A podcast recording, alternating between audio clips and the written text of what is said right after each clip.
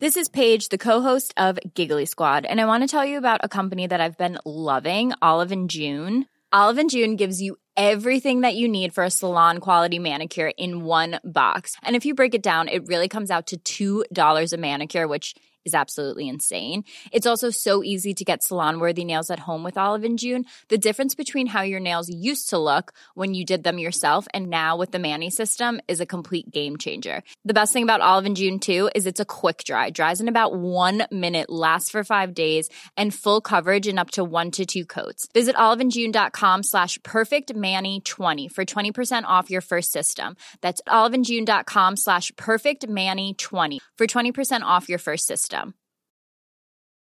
Hey, I'm Ryan Reynolds. Recently, I asked Mint Mobile's legal team if big wireless companies are allowed to raise prices due to inflation. They said yes. And then when I asked if raising prices technically violates those onerous two year contracts, they said, What the f are you talking about, you insane Hollywood ass?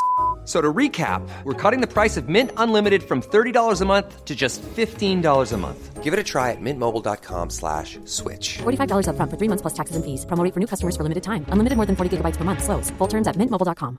There's never been a faster or easier way to start your weight loss journey than with PlushCare. PlushCare accepts most insurance plans and gives you online access to board-certified physicians who can prescribe FDA-approved weight loss medications like Wigovi and Zepbound for those who qualify. Take charge of your health and speak with a board-certified physician about a weight loss plan that's right for you. Get started today at plushcare.com slash weight loss. That's plushcare.com slash weight loss. plushcare.com slash weight loss.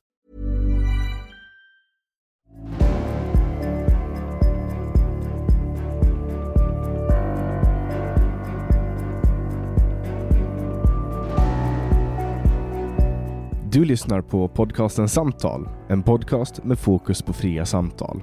Den här podcasten presenteras av tidningen Bulletin. Om du vill få tillgång till samtal sju dagar före alla andra så kan du gå in på www.bulletin.nu och bli prenumerant. Då får du också ta del av hela Bulletins premiumutbud. Kom ihåg att Bulletin också finns som app till både iOS och Android. Länkar hittar du i beskrivningen till det här avsnittet eller på min hemsida www.samtal.ax. Jag släpper nya samtal alla onsdagar året runt och jag tar tacksamt emot tips ifall det finns någon du vill höra i podden. Idén bakom podden är att fokusera på fria samtal.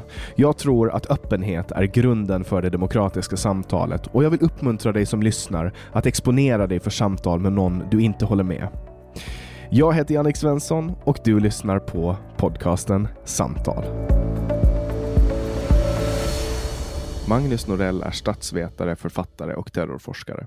Han har skrivit flera böcker om bland annat terrorism och Mellanösternpolitik och utkom alldeles nyligen med en uppdaterad nyutgåva av boken Kalifatets kollaps och återfödelse.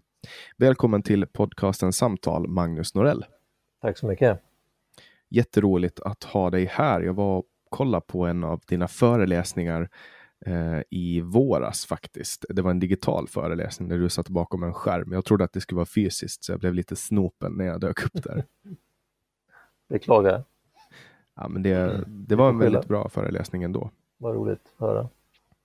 Och nu får jag ju möjligheten att, att ställa alla de här frågorna eh, rakt av till dig. Men jag vill ju börja med, eh, med det som jag tycker att är spicy. Du har jobbat med underrättelseverksamhet, stämmer det? Ja, det stämmer. Jag har eh, dels jobbat då som eh, analytiker på, på MUST, alltså militära underrättelse- underrättelsesäkerhetstjänsten och som eh, analytiker på Säpos kontraterrorismrotel. Det måste ju vara alltså, otroligt spännande. Ja, det, det, det var det ju delvis. Eh, var det ju det. Eh, det ska jag inte förneka. Eh, eh, jag, eh, vad ska jag säga, det, det MUST gav eh, eh mera möjligheter till, eh, till spännande jobb kan jag väl säga, än vad Säpo gjorde. Eh, men, men båda, båda tjänsterna var ju, var ju oerhört intressanta. Och du får en inblick i en värld som naturligtvis är stängd eh, för de flesta. Eh, sen är det ju också så att, att eh, om du är civil, både på, på, på MUST och på, på Säpo så är det lite speciellt då. Du är civil, du blir som en katt bland hermelinerna. Du, du, är, du är civil bland poliser och du är civil bland militärer. Uh, jag valde att se det som en, som en möjlighet. Uh, men, men det kan nog kännas som, ett, som, ett, som, en, ja, som en hämsko i vissa fall. Men, men som sagt, jag, jag, jag tyckte att det var väldigt, väldigt intressant och det gav erfarenheter som man ju har nytta av. Mm. Och som jag har stor nytta av senare också. Och det handlar ju om att rent konkret då eh, hålla koll på hot utifrån antar jag, för Sveriges del.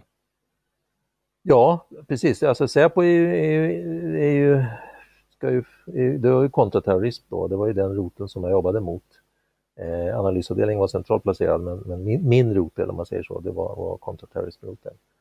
På MUST är det lite annorlunda därför att det handlar inte om Sverige så mycket som, som eh, eh, svenskt engagemang utomlands. Och titta på då säkerhetshot generellt och eh, det var ju mera omvärldsanalys där också.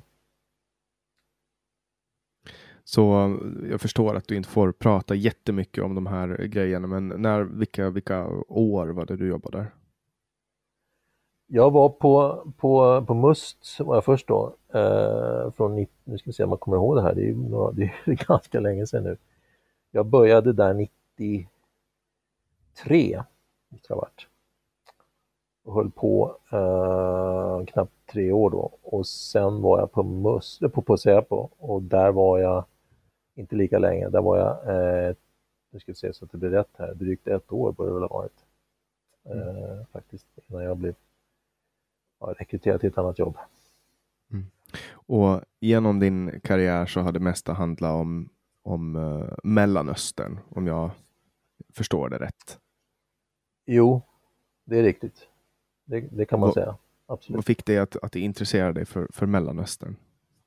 Ja, det, det undrar min mamma också. Um, ja, det är nog så som det ofta är i livet att, att man halkar in på någonting Um, och så blir det på det sättet sen. Jag, jag, eh, när jag läste på universitetet, då, när jag läste statskunskap och, eh, och så, um, och började på doktorandutbildningen så ska man ju då välja inriktning uh, och skriva uppsatser och sådär och då så um, tänkte jag först att jag skulle skriva om, jag hade bestämt mig för att jag skulle skriva om uh, konflikter på Nordirland eh, alltså mellan katoliker och protestanter på Nordirland. Men då, när jag gick till min professor och berättade det här, då så sa han, ah, fast det ämnet är taget, sa han. Det är bra om du kan välja något annat. Och då var jag helt inställd på det, så att jaha, vadå då? Så jag, då får du hjälpa mig att tänka. Ja, sen så funderade han lite och sa ja men det här med Mellanöstern, så här, konflikten mellan Israel och Palestina, det är spännande, så det, det, det tycker jag du ska, det kan du kika på. Och det tyckte inte jag lät så jättekul, eh, får jag väl erkänna då. Eh, men eh, hur det var så tänkte jag, okej, okay, jag kan väl ge det en chans. Och eh, jag gick till biblioteket då och plockade ut all litteratur jag kunde hitta om, om denna konflikt då mellan Israel och palestinier som dominerar så mycket. Och eh, det, det mest spännande resultatet av det var ju att när jag, när jag började läsa igenom det här så insåg jag ju snabbt att det här är intressant därför att du läser flera böcker eh, från en massa olika personer och ställer dig frågan, talar de här verkligen om samma konflikt? Alltså det var diametralt olika perspektiv väldigt ofta. Eh, och då blev det intressant för mig. Då tyckte jag att då, då, då var det ju spännande. Hur kommer det sig att någonting att det, att det kan vara så oerhört olika eh, så säga, perspektiv och få sådana olika resultat. Så eh, och då blev det intressant. Och ja, det, det, var så det började. Alltså en olyckshändelse eller vad man ska kalla det. Var det Israel-Palestina-konflikten du började? Ja, ja precis. Det var där, det var där som, som, precis. Det var det som gjorde att jag blev intresserad av Mellanöstern.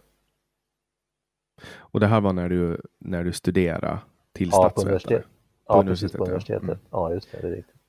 Uh, och, och det här, det, det blev, blev, nördade du ner dig direkt eller var det någonting som växte på? ja, ja det, det, kan, det kan ju hända att en del, om du frågar andra i min närhet så kanske de tycker det, fast nej, det skulle jag inte säga att jag, att jag nördade ner mig direkt. Jag är inte riktigt lagd åt det hållet. Men, eh, Eh, men det är klart att om man ska, i alla fall på sikt då, när jag så småningom beslöt mig för att doktorera, då, då krävs det ju kanske lite nördverksamhet. För det krävs ju ganska mycket eh, för att skriva en doktorsavhandling. Så då får, då får, du, då, då får du gräva ner dig ordentligt. Um, uh, men jag har nog inte, jag har nog ändå varit, skulle jag vilja säga själv, ganska bra på att hålla perspektivet uh, så, att inte, så att jag inte bara blir helt, in, inte allt för nördig skulle jag ändå vilja påstå. Jag tycker att jag själv har lyckats hålla den balansen på ett vettigt sätt. Men det är klart, andra kanske har en annan uppfattning. Mm. Och du disputerade 1998 och inte så mm. jättelänge efter så var ju attacken mot USA och tvillingtornen. Hur, mm. hur kom det här att påverka din karriär och var, var var du i livet då? Vad gjorde du när det här hände? Jag, jag, var på, jag jobbade på Försvarshögskolan då. Eh, nej, förlåt, på FOI var jag. Jag hade precis börjat på Försvarets forskningsinstitut. Eh, några månader innan eh, 9-11 faktiskt. Så jag hade precis börjat där eh, när 9-11 skedde. Eh, så att, och det, det, är klart att som, som forskare och analytiker på, ett, på, på en forskningsinstitution som FOI så, så och, som, och, då var jag ju där för att just jobba med de här frågorna så det är klart att det, det blev ju en, en, en, en, en väldigt snabb skjuts in, in i jobbet kan man väl säga. Jag började på våren i april och det här hände i september. Så att jag var ju ganska ny där. Kände du på det att någonting sånt här kunde hända? Nej, alltså jag hade ju följt här med religiöst motiverad terrorism eh, och inte minst då islamismen under flera år då. Alltså jag jobbade med det på Säpo också ehm, och på MUS naturligtvis, fast kanske inte lika mycket. Mm, eh, så att det är klart att jag var medveten om de här grupperna och de här organisationerna, men, men eh, inte en 9-11 attack. Det tror jag det, det, ja, de flesta tog som överraskning där. Det skulle jag vilja påstå. Men att, att de här grupperna fanns och att det här var ett hot, det, eh, det var ju ganska klart. Och, och det, det, var väl klarare, ska jag säga, i Mellanöstern än vad det var här i Europa. Men, men, men just hotet från, från ja, militant islamism då, eller islamism överhuvudtaget, det hade ju funnits ett tag. Jag menar, eh, du kan ju se en sån händelse som Rushdie-affären då, från 1989 då när Salman Rushdie skrev den här boken Satansverserna och fick den här fatwan på sig från eh, Irans dåvarande ledare Khamenei. Eller Khomeini. Jag tror att väldigt många då blev väldigt eh, tagna på sängen och att det var en väldigt oväntad händelse. Det, var, alltså det, det, det, det, det, det tror jag, men, men det, det, visar ju att för oss som höll på med det här så var det ju ganska klart att det fanns ett hot från islamism och att det var ganska klart och tydligt redan då.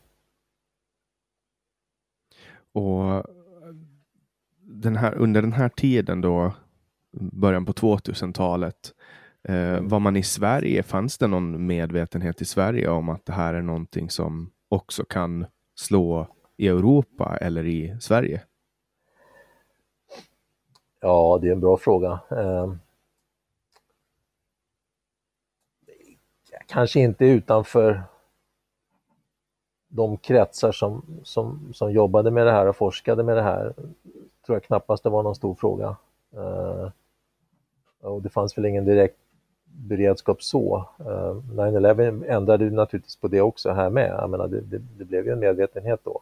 Uh, efter, jag menar, 9-11 förändrade väldigt mycket alltså, i, överhuvudtaget och, och, även i Sverige. Men, jag, men jag, tror inte, jag skulle inte vilja påstå att det fanns någon, någon direkt, vad ska vi kalla det, beredskap för att någonting sånt här skulle kunna inträffa. Det tror jag inte. Eh, och det var kanske inte så konstigt. Och själva liksom syftet med terror, det har väl att göra med att sprida skräck. Det är en form av, av psykologisk krigsföring. Ja, det, det finns ju grader av helvetet. Eh, eh, när det gäller, när det gäller eh, 9-11 så det är klart att det, för de som utförde det, för Al-Qaida då, eh, så handlade det ju om att de deltog i ett krig. Eh, för dem var det här en del av en, av en närmast kosmisk kamp mellan det onda och det goda. Eh, mellan ett rättfärdigt samhälle och ett ogudaktigt samhälle. Så det var mer, för dem var det mer än att, att sprida skräck och terror. Jag menar, en, en terrorattack, ordet kommer ju från det naturligtvis, från franska revolutionen då, att du ska skrämma folk och det är klart att det gjorde, det gjorde naturligtvis det här också, men, men, men, men, för dem var det här mer en del av ett, av ett pågående krig. Eh, Bin Ladens så kallade krigsförklaring kom han ju ut med 1996 redan. Um, uh, så att där var det mer än bara att skrämma folk, definitivt. Där var det så en del av ett mycket, mycket större perspektiv. Och, och det här um, kriget då som, som al-Qaida förde mot, mot västvärlden, eh, det är någonting som flera andra terrorgrupperingar har, har gjort med ungefär samma syfte. Um, och, och, nu närmast så är det ju Islamiska staten som, som vi känner till. Vad skiljer IS från Al-Qaida? Ja, jag skulle säga att, att när man tittar på då, eh, de olika eh, uttalanden och, och den så säga, ideologiska debatt som har pågått mellan de här två grupperingarna eh, sen Islamiska staten klev fram på arenan så kan man ju säga att, att eh, Islamiska staten hade mera bråttom. Vad de sa var att, att nu, har vi snackat, nu har vi snackat färdigt. Nu är det dags att handla, nu är det, nu är det dags att agera, nu ska vi göra det vi har pratat om så länge. Vi ska återupprätta ett, ett, ett, ett, ett, ett, ett, ett, ett sant islamiskt samhälle och vi, vi gör det med våld om det behövs och det är dags att göra det nu. Nu finns det en möjlighet. Vi har ett geografiskt område här. Det, det är nu tåget går. Eh, tittade du på vad, vad många företrädare för Al-Qaida sa var ju att, man, att det, det, det, ni har för bråttom, det går för fort. Vi är inte där än, det är inte rätt tidpunkt.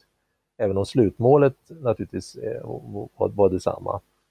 Eh, så det är ju den stora skillnaden, att, att Islamiska staten hade mera bråttom så att säga eh, och, och menade att nu var det, nu var det chans, nu, nu var det dags att agera.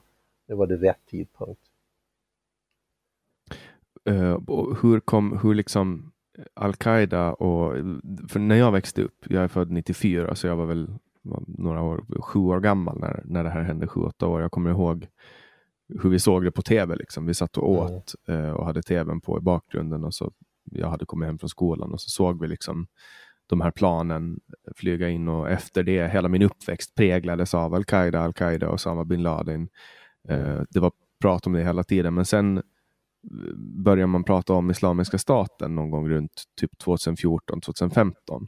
Mm. Vad, vad var det som hände? Hur kom, hur kom Islamiska staten in, in i bilden och vart försvann Al-Qaida? Ja, Al-Qaida har inte försvunnit, det finns ju, de finns ju kvar. Uh, och, och, de har liksom aldrig, aldrig försvunnit helt och hållet. Men, men Islamiska staten är delvis en, en, en skapelse av, av, uh, av personer som var aktiva i al-Qaida och en del andra när, närstående islamiska rörelser i Syrien och Irak då. Eh, och då, då tog man ju då, då, då, såg man ju det här som en möjlighet att där man tyckte att, att ledningen då för al-Qaida var för långsamma, att man inte tog, tog chansen att utnyttja den när, när, när, när kriget i Syrien bröt ut. Eh, och, och istället för att då vara alltför försiktiga och så kommer det då en gruppering som säger att, eh, att ja, men nu, nu har vi en chans här och det var ju väldigt, i väldigt hög utsträckning eh, al-Qaida affilierade grenar, alltså deras, deras, deras grupperingar i Syrien eh, som, som, som drev det här. Så att, att det, det, finns ju väldigt mycket sammankopplingar mellan, mellan al-Qaida och Islamiska staten. Eh, de, de skilde sig mer och mer sen naturligtvis, men, men eh, det fanns ju där hela tiden. Eh, och idag kan man ju se eh, till exempel Islamiska staten finns ju kvar även om, den, även om dess fysiska existens har krossats i Syrien då, eh, och Irak också, men de finns ju kvar. Ja, det, finns, det finns fler aktiva IS-krigare runt om i världen idag än det gjorde 2014 till exempel.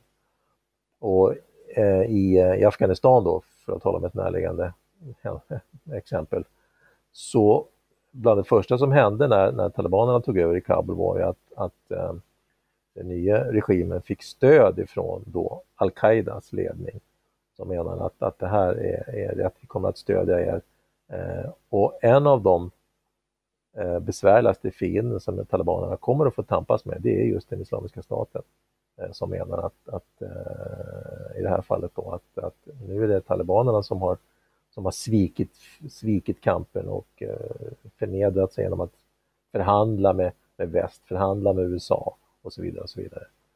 Så att det finns ju interna konflikter, det, även om, återigen, man kan, man kan vara enig om slutmålet. Men vägen dit, det, det, det råder det delade meningar om. Hur, om man ska liksom ställa upp det på en gradskala då för att förstå skillnaden, för att jag tycker att talibanerna är ju ganska vidriga i sig. Mm. Hur, hur, liksom, hur ska man gradera då och jämföra Isis kontra talibanerna? Ja, alltså tal talibanerna har, har, har, alltid haft fokus på Afghanistan.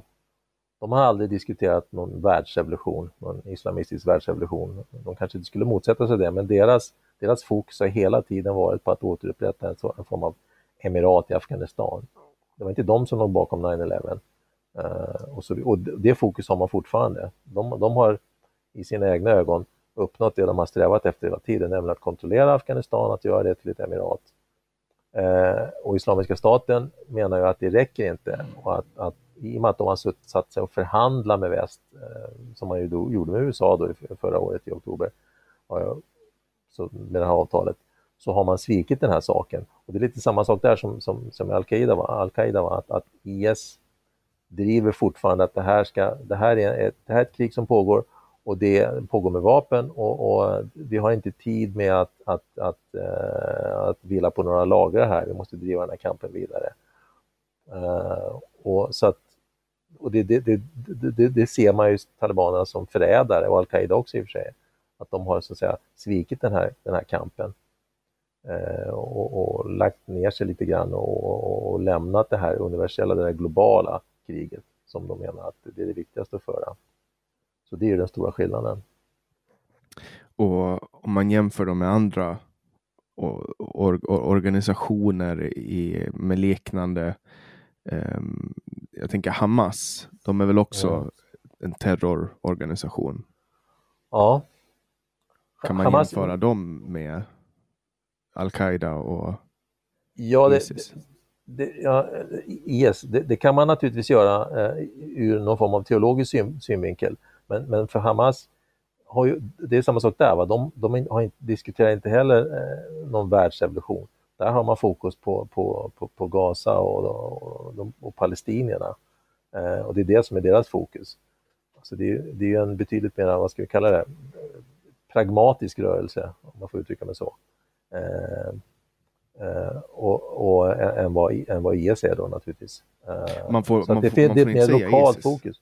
Eller hur? Nej, jag, jag, därför att, nej, jag får. Du får säga vad du vill.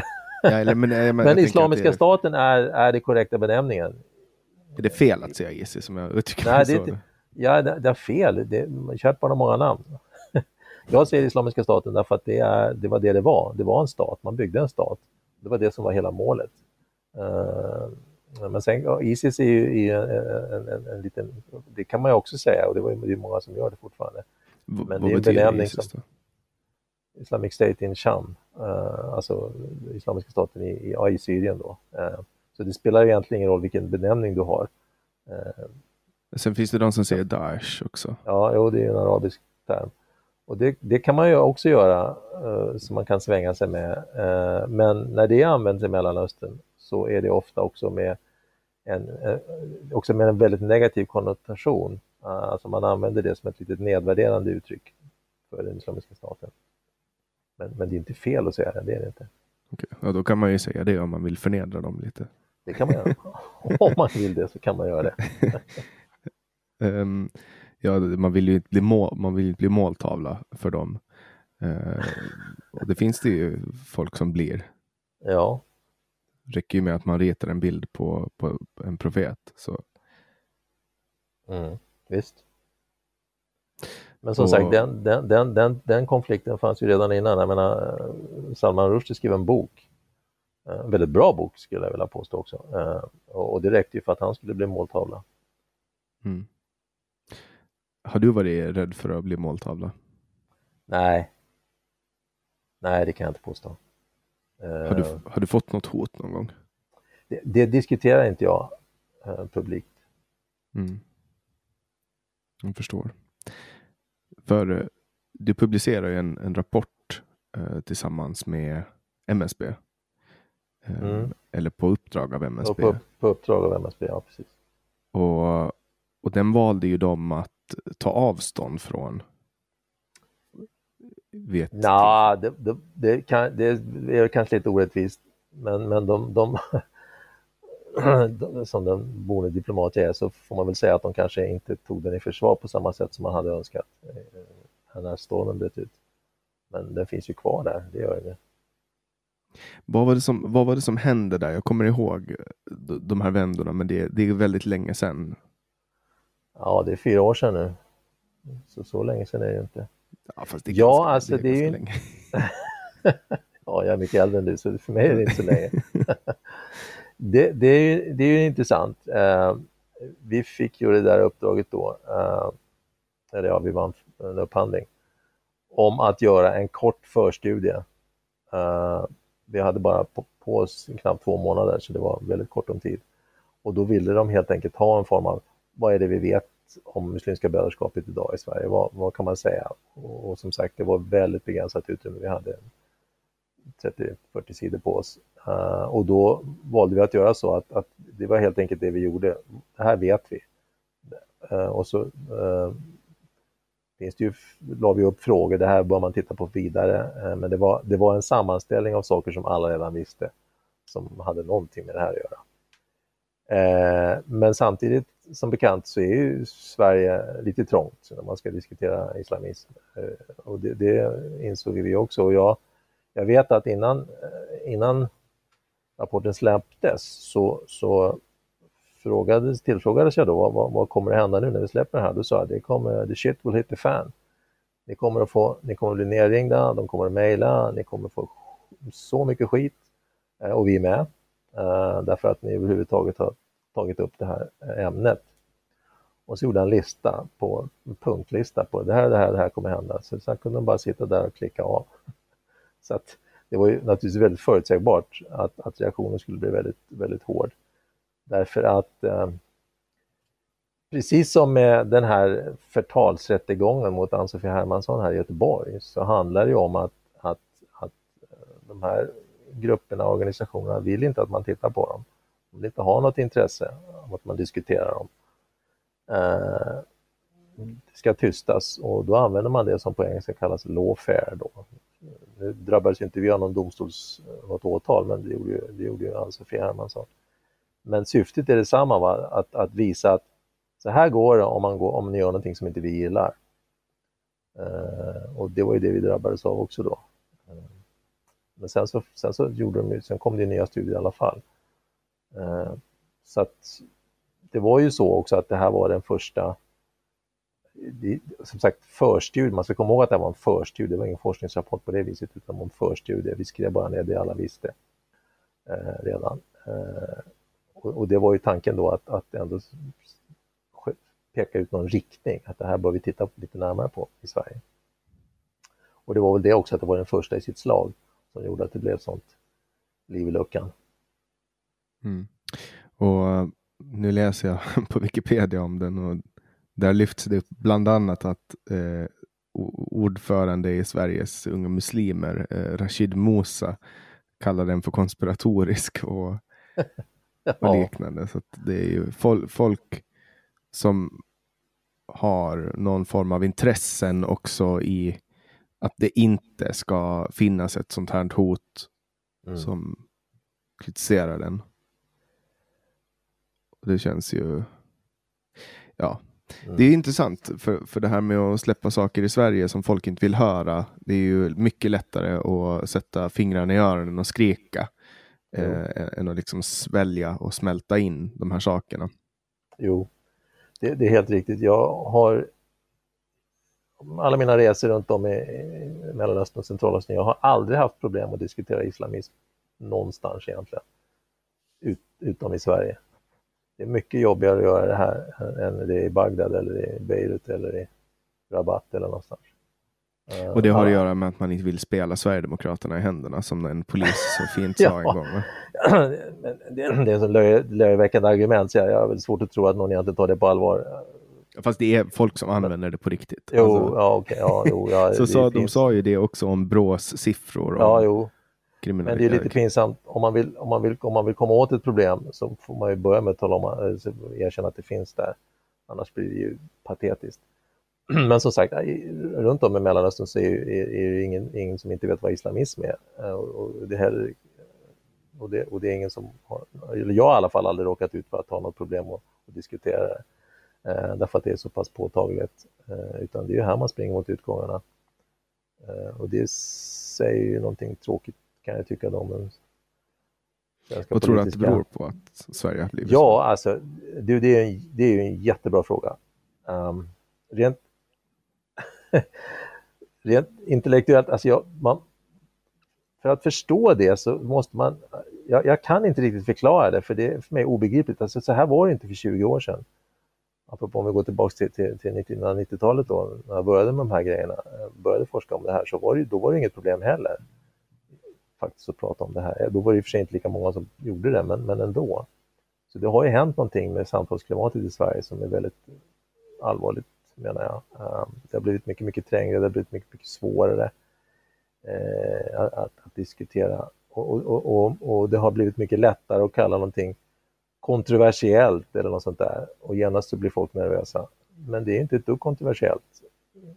Alltså, skulle jag säga. Och, och, och, det blir det därför att man säger att det är det. Men det är liksom någon sorts verbal magi. Det är någon sorts medeltida idé om att man, om man säger någonting, om du nämner det, det är, som, det är lite som, um, vad ska man säga, det är lite som Voldemort. alltså du vet, don't mention his name. Det blir nästan så. Det, det är väldigt märkligt. Jag kan inte riktigt förklara det för att det är så långt ifrån det, det, det fria demokratiska upplysta samhälle som vi ändå påstår så att vi har, som man kan tänka sig att komma, att man inte får eller inte bör diskutera någonting eller nämna någonting därför att någon annan kan bli kränkt eller arg eller ledsen eller är, är, är ju, det är så dumt i kubik så att det, alltså det, det, det, det, det, det, är, det är själva livsluften för en frisk demokrati, att man, att man ska kunna lägga upp det på bordet och diskutera saker och ting. Eh, och tar man bort det, då, då är det ju allvarligt. Och det kan jag väl säga, jag är så pass gammal så att jag har sett förändringen här eh, och hur pass mycket svårare det är. Eh, och det är, ja, det är för att uttrycka sig lite diplomatiskt. Det är, det är bekymmersamt. Det är obra, som vi skulle säga i Hälsingland. Mm. Och den här, alltså det här klimatet när det kommer till att prata om um, diskussionsklimat eller debattklimat brukar man prata om.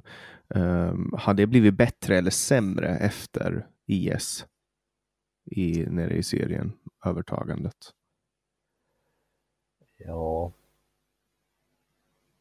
För det var ju det många som sa, vad sa vi? Vad var det vi sa? Ja. Om IS menar? Att att, ja, eller, ja. eller om, om vad som ska hända och sen om ja. allt som hände efter, alltså med Akilov och... Mm, mm. Ja, det, det, det är väl både och. Alltså, viss, I viss mån så har det ju blivit bättre eh, naturligtvis. Man har åtminstone kunnat, man, man, kan, man kan skriva om det på ett annat sätt nu kanske än vad vi kunde. Eh, jag tror att om, om, om om MSB-rapporten hade kommit ut idag så hade det nog inte blivit samma reaktion kanske. Eller fast å andra sidan ska jag inte säga det heller för då hade vi kanske blivit åtalade. som, som Hermansson blev, eh, så det vet jag inte. Men, men å ena sidan så, så, finns, så kommer det ut böcker och rapporter om det här. Eh, å andra sidan så är det ju fortfarande så att, att alltså debattklimatet eller samtalsklimatet är väldigt polariserat. Eh, det, det, är fortfarande, och, det, och det, det, det, är det ju fortfarande, det skulle jag ändå säga. Eh, att det är väldigt svårt, eh, alltså jag har själv fått, fått höra ibland en del andra liksom projekt som jag har försökt dra igång då med diskussioner och så. Nej, men jag kan inte vara med om han ska vara med. Sådär. Det går inte. Om, om dig alltså? Ja, nej inte om mig, utan du vet, jag hade tänkt ta med de här och de här och så pratar man med någon och så säger han, men då, då, har man, om, om det är någon man, inte, om, man, någon man inte gillar eller inte tycker om eller tycker har fel åsikter, alltså fel inom citationstecken, så kan inte jag vara med. Jag vill inte, det är någon sorts beröringsskräck. Om man ska uppträda på samma scen som någon annan som man inte gillar, som, har liksom, som är fel, då går det inte. Istället för att vända på det och säga, ja men ta diskussionen då, ta debatten då. Det är helt okej okay att man inte är överens. Nej, det går inte. Då vill inte jag vara med. Och den där, det fanns inte på kartan när jag var ung och, och blev politiskt så intresserad. Att, att, att, inte, att inte debattera, att inte ställa upp i en diskussion, fanns ju inte alls. Eh, men det gör det ju fortfarande. Det är fortfarande den här, liksom, kan vara en sån här beröringsskräck. Så det är ju, det är ju, det vet jag inte, det kan jag inte tycka har blivit bättre eh, faktiskt. Eh, även om det naturligtvis kanske görs mer försök nu. Nu har man väl insett, åtminstone i Socialdemokratiska arbetarpartiet, att, att det finns ett hot mot Sverige eh, när det kommer till islamism. Ja, det, det, det, har nog Sverige insett för länge sedan eh, någonstans att det finns ett problem här. Jag menar, det var ganska många svenskar som åkte ner för att slåss med IS till exempel.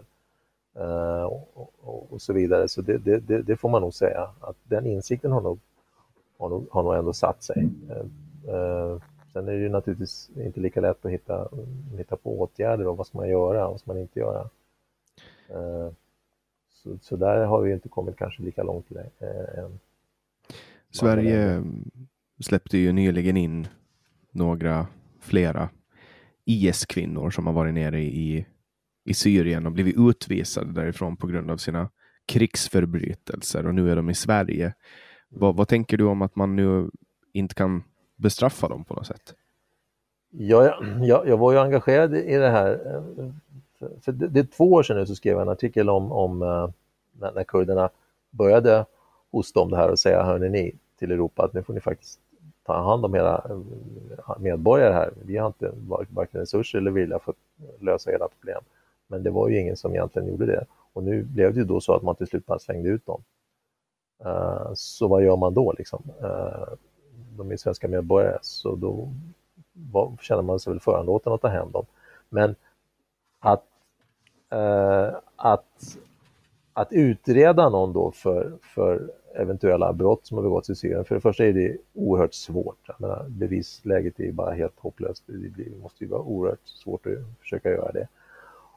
Och då blir ju naturligtvis den, den, den, så att säga, den, den, den, den, enklaste vägen ut är ju att bara, nej, nu har vi tittat på det här och det finns ingenting och, och, och vi kan inte göra någonting, vi, vi, släpper dem bara.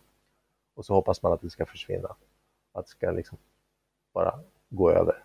Eh, för det blir för jobbigt att göra någonting annat. Eh, istället för att, alltså ingen har ju blivit fälld för någonting uh, som han eller hon har gjort i, i, i Syrien eller Irak i Sverige. Och det beror naturligtvis på att ingen har blivit utredd heller. Och det vill man inte göra för det skulle ta jättelång tid, det skulle bli väldigt jobbigt och så skulle man börja gräva i det här. Och eftersom eh, nu är det ju förbjudet att resa ner och stödja en terroristorganisation, men då, alla de som reste ner reste ju ner innan den här lagen kom till då. Så, och den är inte retroaktiv, så du kommer ju inte åt de som du egentligen skulle vilja komma åt alls.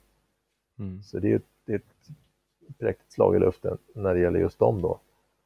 Men det visste vi ju redan när den här lagen kom. Så att, och det är samma sak här med de här kvinnorna. Du måste om, du ska, om du ska Alternativet är naturligtvis och, och, och, uh, att, att, uh, att säga att nej, men nu ska vi utreda vad, du, ni har gjort. Man griper dem när de landar i Sverige och så, så, så, och så häktar man dem och säger misstanke för terrorbrott på grund av att ni har varit i, i, eh, i Syrien och befunnit er hos Islamiska staten och nu ska vi utreda det.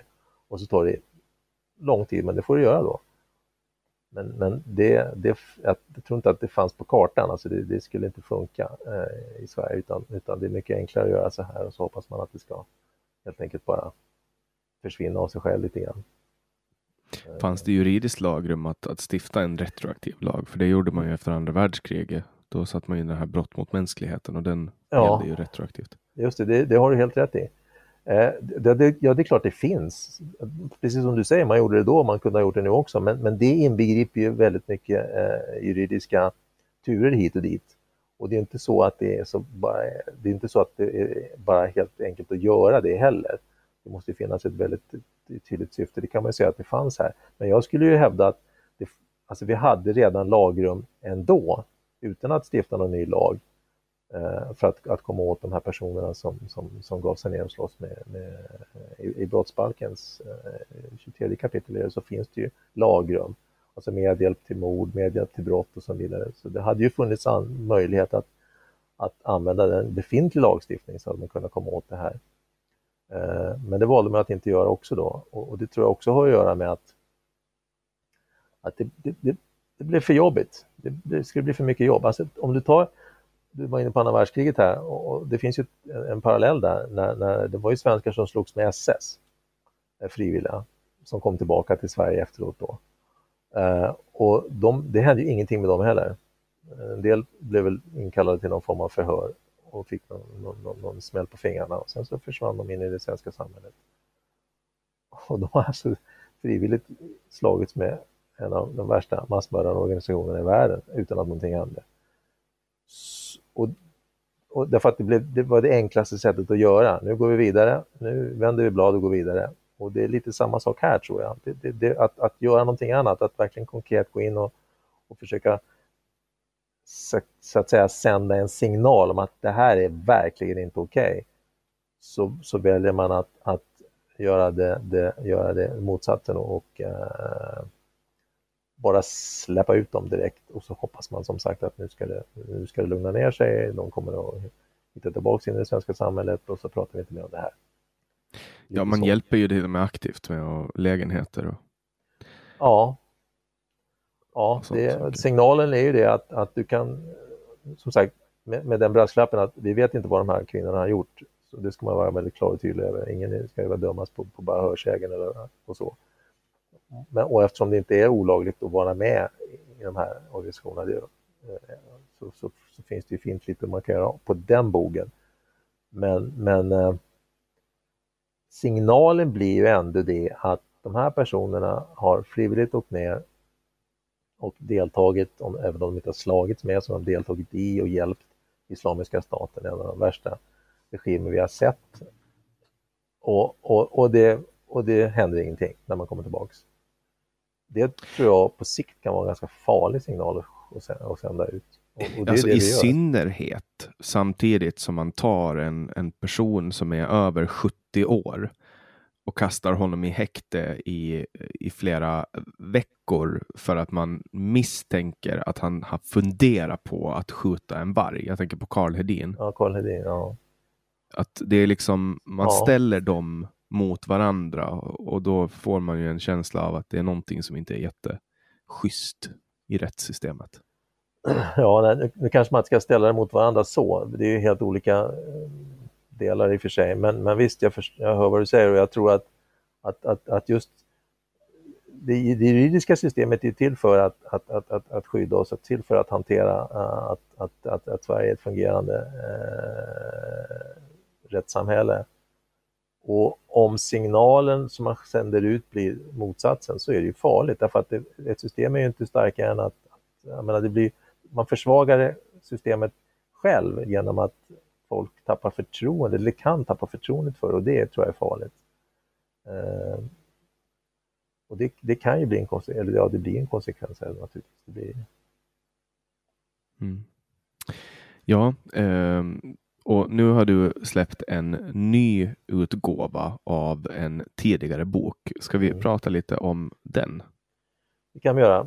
Kalifatets återkomst då som kom 2015 eh, den handlar ju om, om, om bakgrunden till, till eh, ja, vad var Islamiska staten var, kommer den, var kom den ifrån och så skrev jag ju då om, om situationen och vad jag trodde skulle kunna hända och hur det påverkade Mellanöstern.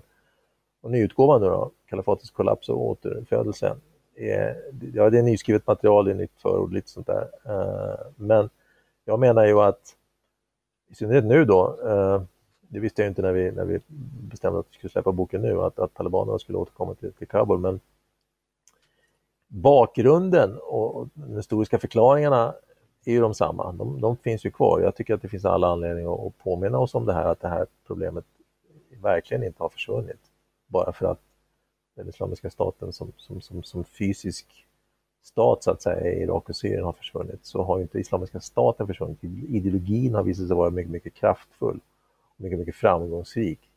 Eh, inte bara det att, att eh, många tusentals människor från hela världen stack iväg till Syrien för att slåss med de här eh, jeparna, utan, utan också det faktum att, eh, att ideologin bakom visade sig vara kraftfull. Men om man tittar på när Usama bin Laden då släppte den här, ja, man, man kallar det en krigsförklaring, men en sorts förklaring då 1996, i augusti 1996, där han menar, där han liksom lägger ut texten och talar om att så här ser det ut, islam är under attack från, från, från eh, ja, de kristna sionistiska korsfararna och, och lite sådana här ordvändningar som man använder och vi måste slå tillbaka eh, och så vidare. Och då var ju det en mycket, mycket liten grupp i de afghanska bergen Eh, med inte speciellt många anhängare. Idag då, 25 år senare, så kan man ju konstatera att det är tusentals människor det rör sig om med internationella nätverk och med en helt annan möjlighet att, att eh, begå terrordåd än vad man hade då. Och ur, ur, ur, ur, den synvinkeln så, eller synpunkten så, så kan man ju säga att, att eh, även om han dog då 2011, eller dödades 2011, så har hans ideologiska tankar i högsta grad överlevt både hans frånfälle och, och liksom kriget i, i, Afghanistan och så vidare. Kriget med Irak och den arabiska våren och allting. Eh, den islamistiska militant, den militanta islamismen lever ju i högönsklig välmåga på många håll fortfarande och ställer till eh, stora problem runt om, inte minst i Mellanöstern och Nordafrika. Eh, så problemet har inte på något sätt försvunnit eh, utan finns i hög grad kvar. Och då menar jag att då är det viktigt att förstå bakgrunden till det här. Eh, så det var därför som, som eh, ja, vi valde att, att, att ge ut boken nu. Då. Jag, jag kom ut med en bok i, i vintras också i december. 1979, Arvet från politisk islam, som tittar på tre händelser då, 1979.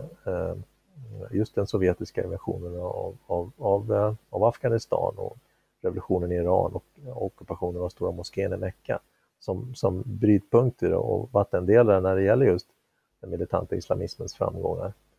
Och, och det är ett bra årtal att ta sin utgångspunkt ur. För ur, ur, ur de händelserna som, som, som, som, som, som inträffade då så kan du också se, se eh, så kan man se linjer fram till Islamiska staten och al-Qaida naturligtvis. Så det är inte, jag tror att det, är viktigt för att förstå det som sker nu så måste man ha klart för sig var det här, var det här kommer ifrån. Det, det var ju syftet med boken, eller med böckerna. Jag förstår och om man kollar på vad, vad, vad är det du har liksom du har, du har skrivit in nya delar i, i boken. Vad, vad kommer mm. läsaren att märka för, för skillnad om man läser om boken så att säga? Ja, om man läser om boken så, så kommer man äh, att påminna sig vad som stod i den första gången, men också just, just, just det nya förordet, eller de nya kapitlerna. Ja, det tar ju upp händelserna sedan dess, sedan boken kom ut och vad som har hänt. Uh, och, och ger perspektiv på det. Då det är naturligtvis viktigt också, så det är, det är därför det är en uppdatering. Men, men de kapitel som handlar om bakgrunden och så, de är de samma. Mm. Och Israel-Palestina-konflikten då? ja. ska, vi, ska vi ta oss an den lilla... Måste lilla... vi det? Jag kan tänka mig att du har pratat ganska det, mycket. Ja, alltså. Nej men det, det är ju... Äh, jag har ju en podd tillsammans med Rikke Norman som heter just Mellanösternpodden och, och, och, en av de första, sen i oktober förra året, och en av de första sakerna vi bestämde oss för att, var att vi inte skulle låta den konflikten dominera. Därför att den är i, i det stora sammanhanget i Mellanöstern en liten skitkonflikt faktiskt. Eh, inte för de som är direkt berörda, men för de flesta andra. Men vad man kan säga där är ju att eh, det, det, mest intressanta skulle jag säga som har hänt där på sistone, det är de här så kallade Abraham Accords där, där Israel då har upprättat eh, diplomatiska förbindelser med eh, några nya arabländer, eh, Bahrain, Förenade Arabemiraten, Sud Sudan är på gång och Marocko. Det är ju, eh, tycker jag, då det mest intressanta som har hänt där. Eh, och, kommer att, det, det skrevs inte så mycket om det i Sverige, jag menar, här, här lyckades vi missa det mesta av det där. Men, men i Mellanöstern så har det ju fått stor betydelse och kommer att ha stor betydelse tror jag. Därför att det, det, det som under lång tid var så att säga, vad ska vi säga, någon sorts kärnpunkt, nämligen att många arabländer sa att nej, men vi, kan inte, vi kan inte ha några, i alla fall inte några formella förbindelser med Israel innan eh, konflikten med palestinierna är löst. Det var väl lite si och så med den e-, egentliga, jag menar hur, hur, hur, hur äkta den känslan egentligen var, men, men det jag har hört under alla år som jag håller på med det här är ju det att det har ju mer och mer blivit att man, att man från just de här länderna har blivit väldigt trött på den här konflikten och man har blivit trött på det, det palestinska ledarskapet som aldrig liksom lyckats på något vis komma ur de här skyttegravarna man är i och bestämt sig för att nu struntar vi i det, nu, nu, kör vi, nu kör vi utifrån våra egna intressen och vad vi tror spelar roll och är, är viktigast för regionen i stort.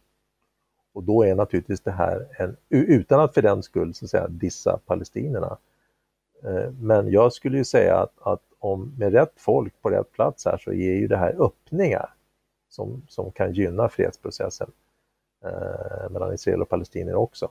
Det, det såg Tror du vi. att det kommer att kunna Ja, det, alltså, vi har redan sett det. Men ta, ta, ta det här, det här, det här, eh, den här Trump-planen då som kom till slut.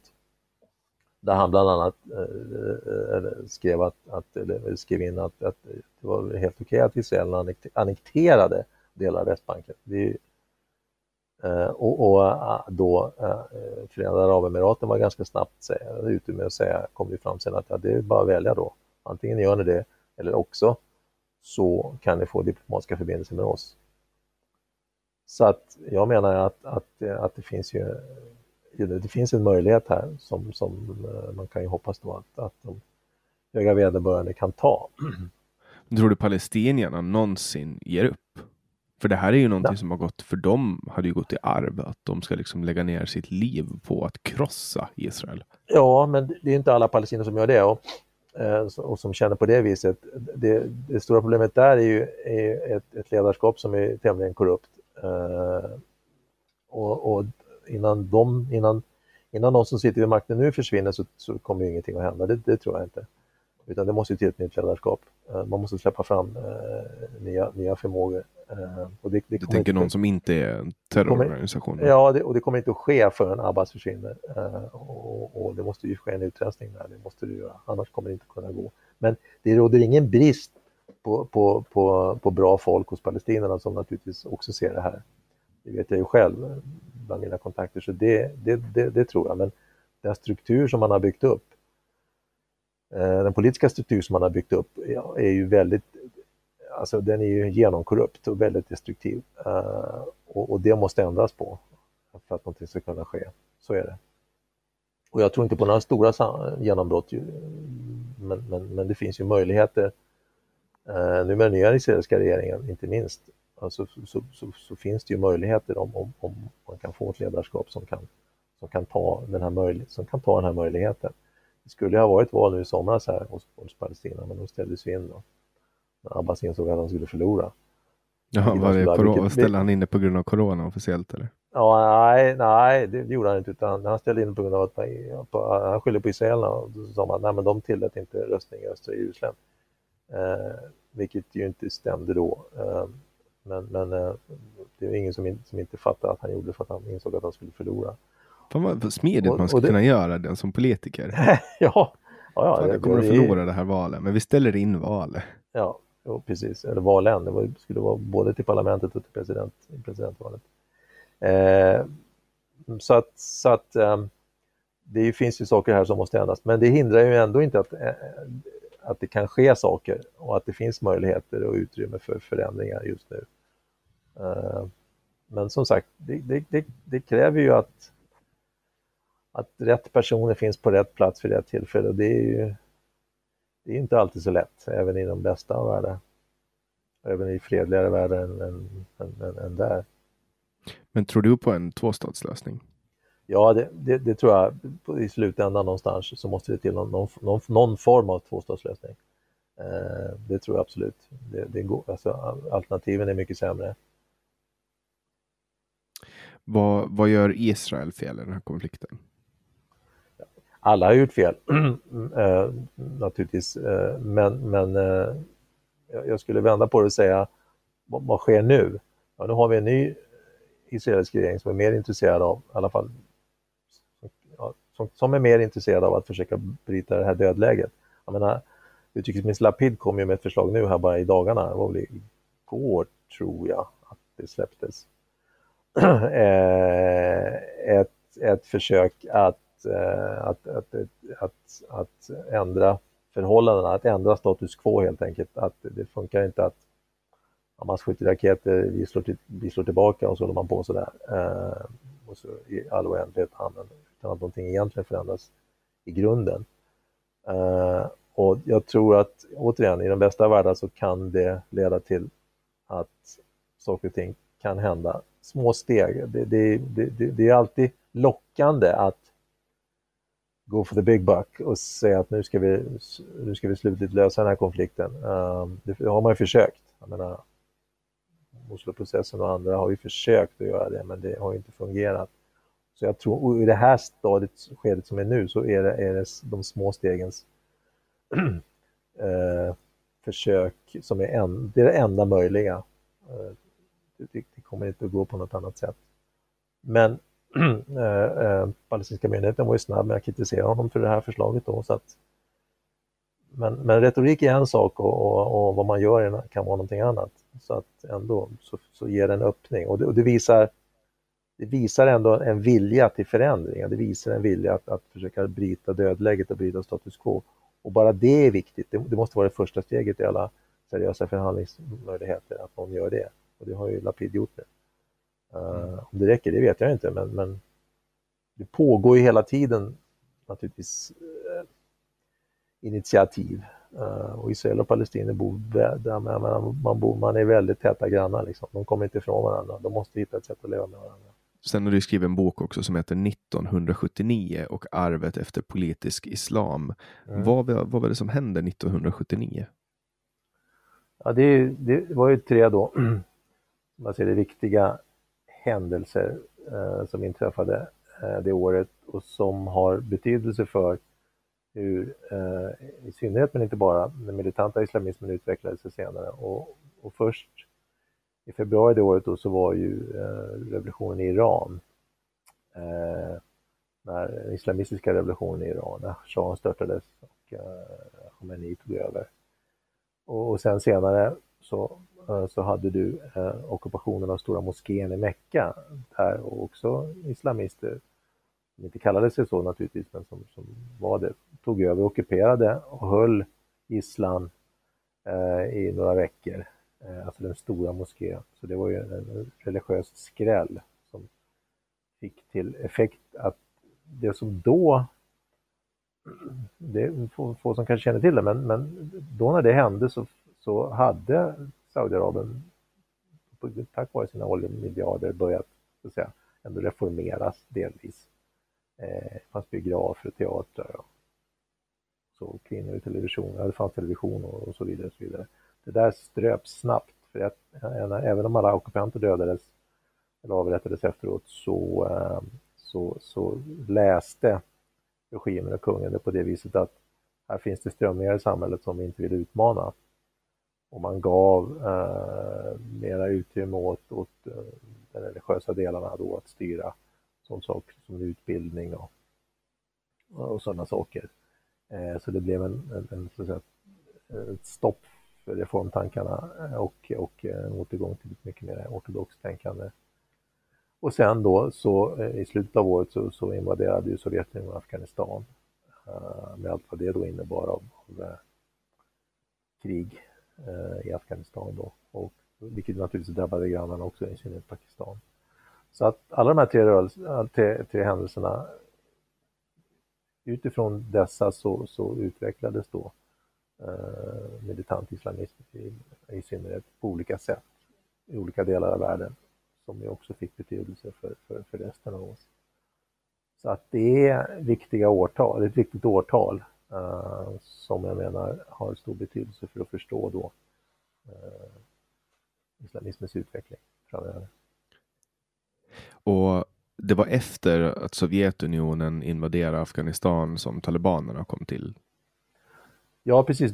Talibanrörelsen äh, bildades som en, en, en, en del, en grupp att, att slåss mot de sovjetiska ockupanterna och den afghanska regim då som, som, som, som Sovjet äh, installerade.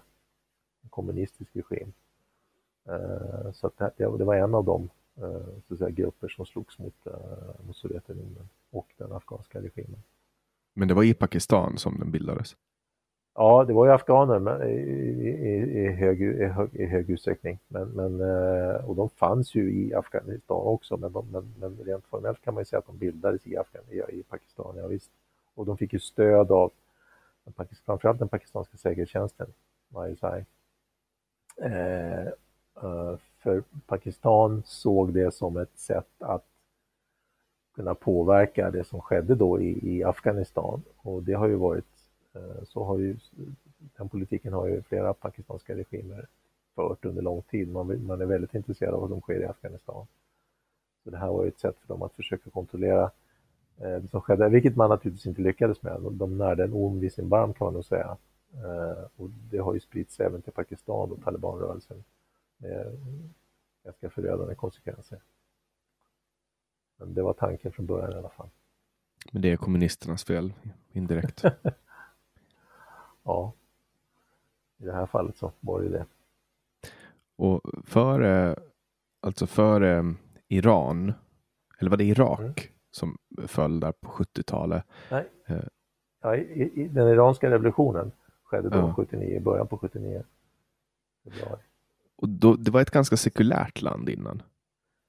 Ja, det var det ju. Alltså, eh, jag skulle säga att shahen hade, väl, hade gjort en Atatürk Eh, och försökt släppa in sitt land i någon form av modernitet med hårdhänta medel.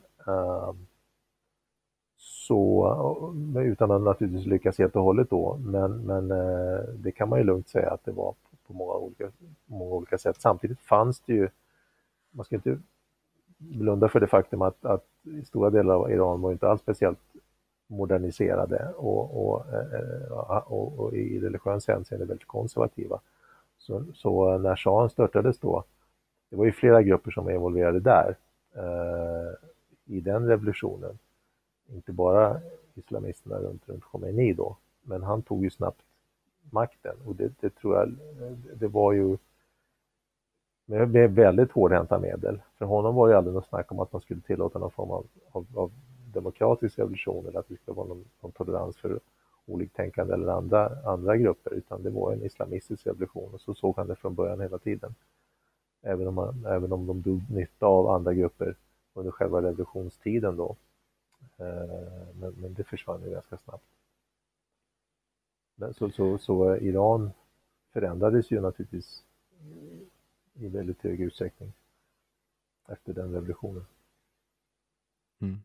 Och hur, hur påverkar det här eh, Europa redan då på 70-80-talet, för det var väl då som, som invandringen från Mellanöstern inleddes egentligen till Sverige. Före det så var det inte så jättemycket Mellanösternkultur i Sverige. Nej, det var det ju inte. Eh, det, det, intressanta där skulle jag väl ändå säga var att eh, de, för att ta Iran då som ett exempel, de, de iranier som flydde Iran eh, efter revolutionen var ju ofta, det blev en sorts brain drain kan man ju säga. Det var ju ofta eh, västerländskt inriktade och utbildade människor som, som, som försvann och som etablerade sig i Europa och USA då. Så, så äh, även om de kom från Mellanöstern så, så var det inte direkt några islamister som kom, tvärtom. Äh, det var de som var motståndare till islamisterna som kom i första hand. Den, den riktigt stora förändringen när det gäller det, den kom lite senare då. Äh, när, när så att säga asylinvandringen förändrades till någon form av, av, av eh, flyktinginvandring till Sverige. Eh, men, men just, men det kan man i och för sig säga att det, att det, kom, att det började på 80-talet där någonstans. Men själva den iranska revolutionen triggade ju en, en, en, en, en, en så att säga, influx av, av, av högutbildade, ofta väldigt västerländskt inriktade iranier. Är det där myten om, om eh, att, att asylinvandring är lukrativ? Är det där det kommer ifrån? Eh, asylinvandring är lukrativ för, för vem då? För samhället i stort, för alltså att det ska ge ökad ekonomisk Ah, tillväxt. ah, Okej, vidare. ja du menar så. Ja, det vet jag faktiskt inte. Eh, det vet jag inte, men det kan, så kan det ju na- naturligtvis vara. För det finns ju de som håller fast vid det fortfarande, fast det finns siffror som visar på att så är inte fallet. Nej, ja det är möjligt, men ja, ja, ja det, det är klart att ja, men fakta har väl aldrig riktigt fått stå i vägen för ideologisk övertygelse i något Det beror, på- det beror på vilket, vilken flank du frågar. Ja, det, så kan det i och för sig vara kanske. Eh, Men, men det, så kan det ju vara alltså för, för, för väldigt många av de här personerna, eh, individerna, och det var ganska många, många människor, de flesta naturligtvis inte kom till Sverige, men, men eh, den iranska diasporan, om man får säga så, har ju, tillhör ju ändå de, eh, en av de grupper som har, som har integrerat sig ganska väl, men det, det har naturligtvis att göra med att, att de som kom var ofta välutbildade, högutbildade eh, och så. Och förde med sig sina, sina yrken och i vissa fall även pengar. Ja, Man sa ju under flyktingvågen där 2015 att det strömmade in ingenjörer och läkare i Sverige. Ja, jag vet inte om jag egentligen läste det någonstans, men, men eh, det, det, så, var det kanske, men så var det ju inte. Vilket inte kanske var så svårt att se om man hade tittat lite, lite noggrannare kanske. Ja, det, det, det, var väl ett narrativ som, som var då. Nu är Jo. ju folk lite mer ifrågasättande eh, av- det. det är men det är någonting som, som har kommit nu, alltså att det är mer okej att, att ifrågasätta de här sakerna. Och nu vill ju so- Socialdemokraterna också då börja liksom stoppa, eh, minska på invandringen. Men, Jo, eh, Jo, och nu låtsas de ju som att de alltid har velat det. ja. Och det är ju spännande hur, hur, hur det tar snabba svängar. Har du tagit politisk ställning? I vilka frågor då menar du? Eller hur då politisk ställning? Om jag, om jag går och röstar så är svaret ja. Jag menar, har du Det gett dig in i, i den offentliga debatten? Nej, inte, inte, inte partipolitiskt, nej, det har jag aldrig. Eh, nej, det har jag faktiskt aldrig gjort. Jag har aldrig varit med i något parti eller så. Eh, nej, nej, det Fin- har jag är, det, är det för att du vill behålla din eh, trovärdighet N- eller, eller är det bara för Nej, att du det är nog... intresserad? Nej då, jag är ju politiskt intresserad, absolut. Det är jag ju. Och jag har ju naturligtvis deltagit i debatten på många olika sätt. Men, men eh, Eh, det är snarast så att jag inte är intresserad av, av partipolitik på det viset. Eh, och, som, och som, jag har ju varit forskare ganska länge då. Och, och då är ju i alla fall min bild av, och dessutom så forskar jag inte om Sverige. Alltså jag håller på med Mellanöstern. I och för sig håller jag på med demokratifrågor ganska mycket. Eh, och det är jag ju engagerad i och skriver mycket om. Men det är ju ingen, det är ingen partipolitisk fråga egentligen. Eh, eller egentligen, det är inte det. Utan det är en demokratifråga. Det rör ju, all, det rör ju det, den struktur och det system jag menar att vi behöver i Sverige. Vi måste ha en, en demokrati överhuvudtaget. Så det är inte, det är inte låst till ett parti på det viset. Eh, tvärtom, det är, det, är ju, det är ju verkligen partiöverskridande. Så de frågor som engagerar mig, som yttrandefrihet, eh, hur, hur demokratin ska se ut och så vidare, det är ju saker som, som, eh, som egentligen finns, eller borde i alla fall finnas i alla partier. Eh, så det är väl mera det som gör att jag inte har blivit partipolitiskt intresserad eller aktiv på det viset. En, eh, en politisk fråga då. Var det rätt eller fel av USA att gå ut ur Afghanistan? Ja, men då, då du kan, du får, du, du, må- du, får- av mig får du, av mig får du analyser och forskarsvar. Eh, det får du. Och alltså, det, det borde inte förvåna någon. Biden var så tidigt ute som 2009 och kritiserade den amerikanska närvaron i Afghanistan som man menar höll på att, att, eh, att, att, att, att förfela sitt syfte. Poängen från USAs sida att gå in i Afghanistan från början var ju hela tiden att man skulle slå till mot al-Qaida och, och, och senare också mot Islamiska staten. Det var aldrig frågan om någon nation building överhuvudtaget. Och det sades ganska tydligt. Hela ISAF från början, alltså den FN-styrka som tillsattes då, den, den, den, den drevs ju inte av USA förrän eh, under Obamas år då, 2010-2011, då man insåg att man måste ta över. Men fram till dess så hade man ju fokus på just al-Qaida och, eh, och sen då också Islamiska staten. Så problemet med Afghanistan, och, och som sagt Biden har hela tiden hävdat att det här är ett misstag och det är 20 år. Och det var, det var från amerikansk sida ett, ett, ett, ett populärt beslut. Man måste sluta. Tillbakadragningar är aldrig snygga. Eh, det ser aldrig snyggt ut, eh, oavsett egentligen vad de sker. Men, men eh, det här kan inte ha, man kan inte komma efteråt och säga att åh vad förvånad jag blev. För det här har aviserats lång, lång, lång, långt innan. Jag menar, avtalet med talibanerna är från oktober förra året till exempel. Det är snart ett år sedan nu de beslöt om det här. Så att det kan man inte rimligen hävda att, att man skulle bli förvånad. Det gick ju väldigt snabbt alltihopa. Ja, ja det gjorde det.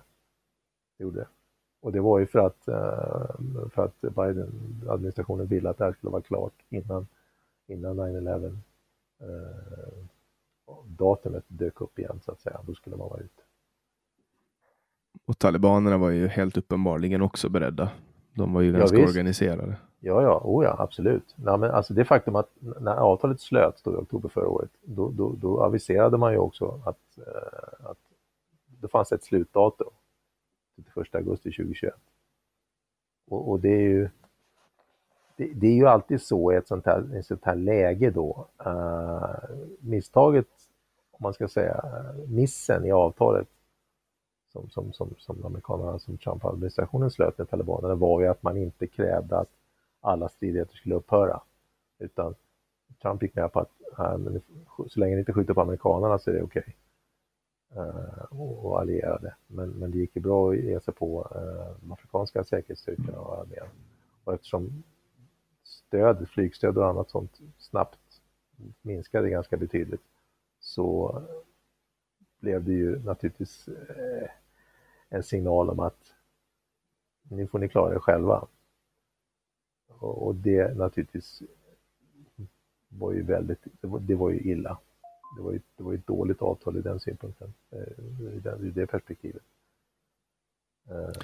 Och Isis passar ju på att genomföra attacker under, under tumulten. Vad, vad var ja. deras syfte med dem? Ja, det, det, det, var ju naturligtvis att visa att de finns kvar där och att, att, uh, att de inte är borta ur leken. Det var ju framförallt det. Och den typen av attack och den typen av mål, alltså mjuka mål om man säger, med, med, med, så många människor som trängdes runt, runt flygplatsen var ju naturligtvis eh, oerhört lockande för dem. Och i praktiken så är det ju i princip omöjligt att skydda sig mot en sån sak i ett sånt läge som var i Afghanistan. Då. Så, men deras syfte var ju framförallt att tala om att man är kvar.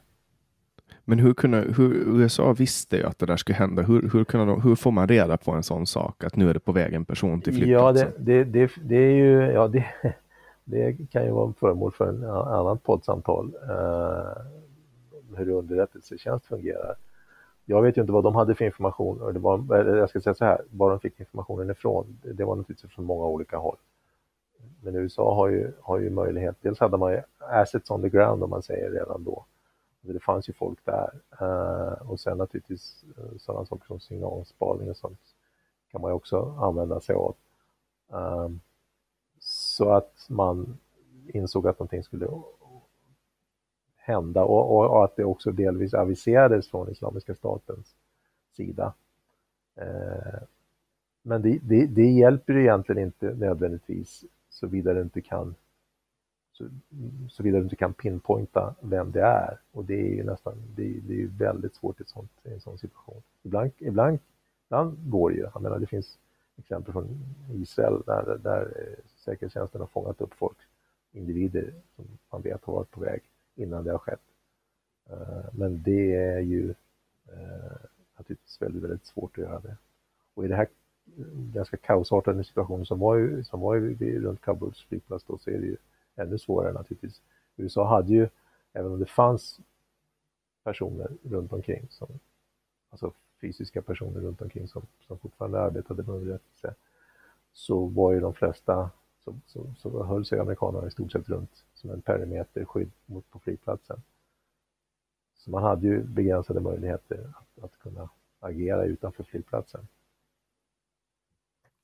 Det var ju mycket skriverier om den här flygplatsen och jag tänker att med, med tanke på att man visste att, att det skulle bli ett, alltså att de skulle dra tillbaks det här, mm. de här styrkorna. Uh, varför kunde man inte förbereda de här uh, evakueringarna bättre? Ja, det, det, det är en mycket berättigad fråga tycker jag. Eh, men då, det, det ska ju då ställas mot att man, att, man, eh, att, att, att regeringen i Washington menar att vi, vi ska vara ute innan typ 31 augusti. Vi har så här mycket tid på oss, vad kan vi göra? Och vi kan göra så här mycket. Man fick ut 140 000 personer, vilket ju är en ganska fantastisk siffra egentligen med tanke på den korta tid man har till förfogande. Så jag skulle inte säga att det var ett misslyckande, men, men det man kunde ha gjort eh, var naturligtvis att man kunde ha, ha eh, etablerat sig på flygplatsen tidigare. Möjligen. Å andra sidan så hade, det, hade, hade man ju då så att säga, eh, det hade ju också kunnat bli en backlash med mera attacker och stridigheter runt flygplatsen redan innan evakueringen hade börjat, vilket ju hade försvårat alltihop ännu mera. Så det är ju inget, det hade inte nödvändigtvis blivit enklare av det om man hade gjort det. Och då hade det krävts en mycket större militär insats eh, i, så, som hade sträckt sig utanför flygplatsen för att det skulle kunna fungera. Och ganska långt utanför flygplatsen också för att det skulle kunna fungera. Eh, så att, och då är det inte alls säkert att, att man hade fått ut så många människor på så här kort tid som man, som man fick nu. Inget lätt ja, val, men, men, eh, men eh, man måste, att, att det, det, det, det, är inte så att det här, en del besserwisser som säger att man borde ha gjort sig eller så. Ja, det är inte alls säkert att det hade fungerat bättre. Sverige lyckades ju till och med evakuera två stycken utvisade personer. Ja, se där. Inte dåligt. Nej, det var ju, det var ju väldans tur för dem. Eller hur? Det var ju som att vinna på Lotto. Ja. Först avtjänade de sina straff i ja. Sverige, blev utvisade och nu får de komma tillbaks och blir arresterade för att de har kommit tillbaks. Ja, ja ja, det var väl inte det snyggaste vi gjort kanske, men Nej, det är lite... Krigets kaos. Ja, de hade, de hade tur i alla fall, men ja, eh, nu, är det ju, nu får ju Sverige ta sitt ansvar där och helt enkelt betala mat och husrum åt dem. Tills de avtjänar sina straff och sen får de väl bli kvar då, antar jag.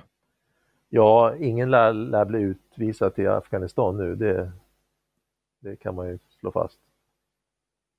Och hur länge kommer det att pågå? Tror du det är permanent nu när talibanerna styr? Nej, det, det, det vet jag inte, men jag tror att, att eh, den här, alltså skillnaden mot förra gången, 96 då när de tog över, det är ju det att, att då fanns det ju, eller det finns ju fortfarande grupper som, alltså det, det är inte så att, att jag tror att kriget har tagit slut i Afghanistan. Uh, talibanerna är, är uh, den, den, den, starkaste kraften just nu, men det finns ju fortfarande grupper runt om i Afghanistan som nu ligger lite lågt då efter, efter eh, de västerländska trupperna dragit sig tillbaka, men de finns ju kvar.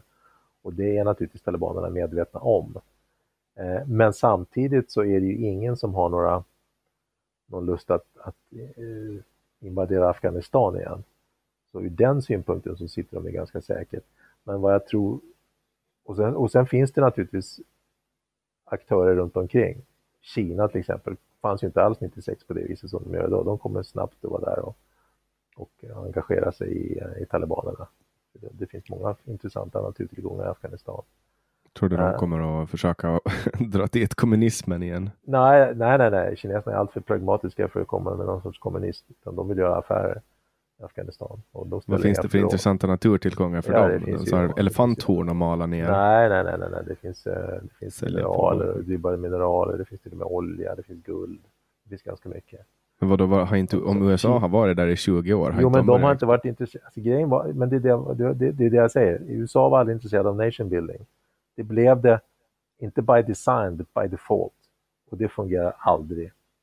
Och ska man, ska man, ska man, utan det, det är i så fall Bryssel som ska, som ska kölhållas för någon form av misslyckad nation building. Men, men, men, det var aldrig snack om att man skulle börja utvinna en massa mineraler eller, eller investera i någon form av industriell kapacitet på det viset. Och det kan, man, det kan man ju säga att det borde de kanske ha gjort och då hade det kanske sett annorlunda ut nu. Men det gjorde man inte. Inte i alla fall inte i tillräckligt hög, hög utsökning. Men det är ju kineserna intresserade av. Så de tror vi kom, de förhandlar ju redan med talibanerna och, och talibanernas, talibanregimens problem är ju att de vill gärna ha erkännande naturligtvis från omvärlden. Men det lär ju sitta långt inne. Så att Tror du det? Ja, Margot det- Wallström var ju jättesnabb med att börja erkänna olika stater. när Ja, hon, men kanske inte taliban. Dessutom är inte hon minister längre på det viset. nej, nej, hon fick ju gå sen. men Jag bara tänker det att det, ingenting inte. är omöjligt. Nej, ingenting är omöjligt, men, men det tror jag ändå kommer, och det, dessutom spelar det ingen roll om, om, om, om ett land som Sverige gör det så, så har det ingen betydelse. Men poängen är här att, att jag tror att det är en mycket större risk eller möjlighet, eller hur du nu vill se det, att, att Afghanistan så att säga glöms bort. Att det, det, det sjunker tillbaks ner i någon, så- någon form av misär. Eh, därför att ingen är intresserad av att, att eh, få sina fingrar brända där igen. Och det lämnar naturligtvis eh, utrymme för då länder som typ Kina som inte har några skrupler och ingen, ingen, ingen så att säga, moral överhuvudtaget när det gäller sådana saker. Uh, så det är det jag tror kommer att hända här. Sen kommer säkert det, det finnas kvar verksamhet. Eh, Afghanistankommittén till exempel i Sverige kommer naturligtvis inte bara försvinna. Och det är en generation som har vuxit upp i Afghanistan som har vuxit upp utan talibaner, det ska man också komma ihåg. Och det är möjligt att, den, att det arvet kommer att, det kommer att märkas eh, på olika sätt. Men risken tror jag är, för det, jag skulle säga att det är en risk, att, att, att Afghanistan så att säga glöms bort helt enkelt, att man, man vänder bort blicken, man orkar inte bry sig om det här längre. Det var 20 år av försök, det gick inget bra eh, och så lämnar man det och så vill man inte se det mer. Samtidigt som det är 20 år när, när en massa saker händer. Det är 20 år när en massa unga tjejer och flickor fick gå i skola. Det är 20 år när du gav utrymme för miljoner av afghaner att kunna se någonting annat och göra någonting annat. Eh, och det är det, det är där jag ser den stora tragiken i det här, att, att de personerna lämnar vi nu.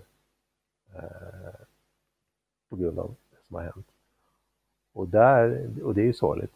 Eh, men men det, det är så jag tror att det kan mycket väl bli. De får anpassa sig liksom till att nu är det, nu är det, nu är det så här det är. Ja. Nu får ni börja Precis. sätta på er de här heltäckande kläderna. Ja, de har ju sagt nu då till exempel att, att jo de kan fortsätta gå på universitetet men det, ska vara segregerade klasser och, och, så, och så vidare. Och så vidare, och så vidare. Det är grader av helvetet men, men, eh, men eh, det, det, det tror jag att man kommer att också att för, för på talibanerna är det mest intressant att behålla makten här. Och de är tillräckligt pragmatiska och som sagt de har fokus på Afghanistan, inte någon världsrevolution. Och det kommer man att hålla fast vid. Eh, och nu har man då chansen att bygga upp det här emiratet. Och det kommer man att göra. Och då kommer man lägga fokus på det. Hur kommer livet, livet att bli för, för genomsnittskvinnan i Afghanistan nu? Det kommer säkert att bli mycket sämre än det var. Eh, Det blir mer inskränkt naturligtvis tillvaro, så är det ju. Och det har de ju aldrig gjort någon hemlighet av. Men, men det kommer inte att se ut som det gjorde 1996. Och det beror också på att Afghanistan har förändrat sig, att regionen har förändrat sig. Och även om det är i hög utsträckning är samma ledare som var då, eh, så är de äldre och det har hänt saker och det, det, det, det är nytt folk. Det, har inte, det finns inga moderata talibaner. Eh, det, det gör det inte. Men det är en situation som har ändrats och som kommer att göra att de kommer att tvingas att vara något mer pragmatiska. Men för kvinnor och minoriteter så kommer det eh, bli betydligt sämre än vad det har varit tidigare, det tror jag. Och, och då är det just att de inte får vara ute i arbetslivet och så vidare. Jag tror inte, ja, ja precis, det, det är ju en effekt, men jag, jag tror inte att om det nu visar sig att, att, att man tillåter eh, kvinnor att, att, att studera och arbeta, då har man ju sagt att man gör, till skillnad från sist då. Och det har naturligtvis delvis att göra med att nu ska de styra det här landet. Det är en sak att ta över det när motståndet är som det var och försvann. Men att styra det är något helt annat. Och det kommer att behövas pengar. Eh, och det kommer att behövas att någon sköter de här, alla de här institutionerna som har byggts upp. Eh, och då kan man inte bara, jag menar, när de tog över 96 var det ett totalt sönder, sönderslaget land. Det är inte speciellt helt nu heller, men det är helare än det var då. Då kunde de hålla på eh, i någon sorts medeltida, och det gjorde egentligen ingenting, medeltida stil. Det går inte riktigt att göra det nu, men det är fortfarande risk att det hamnar där eftersom omvärlden inte kommer att engagera sig på samma sätt som man gjorde, som man gjorde, som man gjorde sist. Eh, och det, det kommer naturligtvis i första hand att drabba eh, minoriteter och, och kvinnor och, och, och flickor. Och sen ser det också väldigt annorlunda ut, olika ut beroende på var någonstans i Afghanistan du är. alltså rent, rent lokalt så finns, det så finns det exempel på där man har fortsatt att tillåta kvinnor att gå i skola till exempel. Men det finns andra exempel på, där, på, på, på, på provinser där, man, där talibanerna inte har gjort det. Och huruvida det där kommer att ändra sig, det, det får ju historien, det får, får ju tiden utvisa då. Men jag, jag tror att just den här, det faktum att de har inte den här kontrollen som, nu, nu kontrollerar talibanerna Afghanistan ser vi, ja, det är sannerligen en modifikation. Alla de här olika grupperna finns ju kvar i landet. Och som sagt, det finns en generation som har växt upp med någonting annat och det, det är faktum som kommer att finnas kvar. Det är inte säkert att det kommer att förändra någonting på sikt, men det, det, det, det skulle kunna göra det. Talib betyder inte, har inte det någonting med utbildning att göra? Jo, det betyder student. De, de, ja. För att de rekryterades från de här olika eh, religiösa skolorna i just Pakistan som du var inne på tidigare. Det är därför de kallade sig talibaner, studenterna. Okej. Okay. Just det, det har ingenting med, med, utbildning i övrigt att göra, förutom religiösa utbildning. Nej. Mm. Eh, ingen har väl någonsin lyckats invadera Afghanistan? Ja, lyckats och lyckats. Du menar i den betydelsen att man har gått in och ändrat, stabiliserat. stabiliserat. Ja, men det, den andra brittiska, det andra brittiska afghanska kriget kan man väl möjligen säga att då fick man ett, ett, ett avtal som, som höll. Uh, I alla fall blev det hanterbart. Men då försökte man inte att, att eh, då försökte man inte att eh, skapa någon ny regim in i Afghanistan utan det var snarast att man kom överens om att mm, nu håller ni er här så håller vi oss här. Eh, men så, kan man ju, så, så, så, det kan man ju säga. Men, men det var ingen invasion på det viset att man skulle gå in och tillsätta någon ny kung som man försökte första gången, 1840-talet där. Det gick ju åt pipsvängen ordentligt. Men eh, att kontrollera Afghanistan, jag tror att det, det, det är 17 om man har, ja det försökte man ju då men det gick ju inte. Utan sen handlade det om att hantera Afghanistan. Eh, och den här eh, gränsen mellan Pakistan och Afghanistan, eh, the Durand line, är ju, eh, drogs ju av britterna för att, så att säga, bestämma sig för att det här är brittiskt territorium, det här är det brittiska imperiet och det här, det här får kungen av Afghanistan hålla på med. Och det, det avtalet, ja det var väl ups and downs som man säger, men det, det, det höll ju i alla fall under ganska lång tid. Mm. Men vad, vad, tror du att Kina kan, alltså hur, hur länge tror du det tar före Kina börjar sina... De har redan börjat, de har redan börjat förhandla med, med talibanerna. De kommer att vara snabbare än, än din egen skugga. De drar snabbare än sin egen skugga. Kommer de att börja handla mycket med ja, dem? Ja, det, det tror jag. Man kommer att vara och... intresserad av att investera och, och, och, och, och och eh, därför att man är intresserad av de eh, naturtillgångar som finns där. Och det, det, det kommer man att, de har redan börjat agera. Det här. I och med att USA försvann och, och, och, och väst så är det naturligtvis så att det, det, för, för både kineser och ryssar ska jag säga, så är det ett nollsummespel. Den enas eh, död, den andres blöd. Uh, när det gäller Ryssland så tror jag att man kanske är något mer försiktig eftersom man har, fick ju tassarna brända där ganska ordentligt. Men när det gäller, eh, när det gäller Kina så tror jag att man inte har några eh, skrupler så, utan att man är intresserad av att ge talibanerna ordentliga ekonomiska bistånd för att få chansen att utvinna det man vill utvinna. Då. Kommer det här välståndet komma befolkningen till Nej, det, tror, det tror jag inte. Det finns ju knappast några exempel på någon annanstans kineserna har, har investerat att det skulle bli någon sorts välstånd till befolkningen. Men regimen kommer att tjäna stora pengar på det här. Vad gör de med de pengarna? Åker till väst ja, det, och får nej, semester? Det, det tror jag knappast. Nej, det tror jag inte.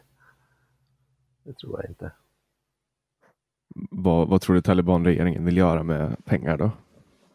Nej, alltså de, jag, jag vet inte, det blir spekulativa gissningar, men, men de, man kommer att behöva pengar för att det kostar pengar att sköta en stat. Du måste ju driva allt det här eh, på något sätt. Menar, på 90-talet där så, så, så smugglades det ju droger eh, och det kommer man naturligtvis att fortsätta med. Det är stora pengar i det. Eh, opiumodling och sådana saker. Det, det, det kommer man inte att sluta med för det är för, det är för, det är för lukrativt. Så det kommer att finnas kvar. Eh, men, men pengar måste in på något sätt och kineserna kommer att vara villiga att, att pröjsa. Ja, de har ju sin eh, historia med opium som inte är så jättetrevlig. Nej, jag tror inte för sig kineserna kommer att satsa på någon opium utan det, det här handlar om att man vill inte är intresserad av andra naturtillgångar. Men, men, men, men drogsmugglingen kommer naturligtvis att fortsätta och den ökade ju efter, alltså den har ökat eh, på 10-talet också. Eh, så att, och det är stora pengar så det kommer inte att försvinna, det tror jag inte. Mm. Det finns alldeles för många som tjänar alldeles mycket pengar på den. Och det här kommer ju till Europa också. Ja, visst gör det det. Och det är väl främst heroin vi pratar om då? Mm. Det, det stämmer. Det är riktigt. Mm. För det har ju varit det har ju varit en tillgång för dem väldigt, väldigt, väldigt länge. För antar, jag antar för att det är för att de har bra förhållanden för att eh, odla det.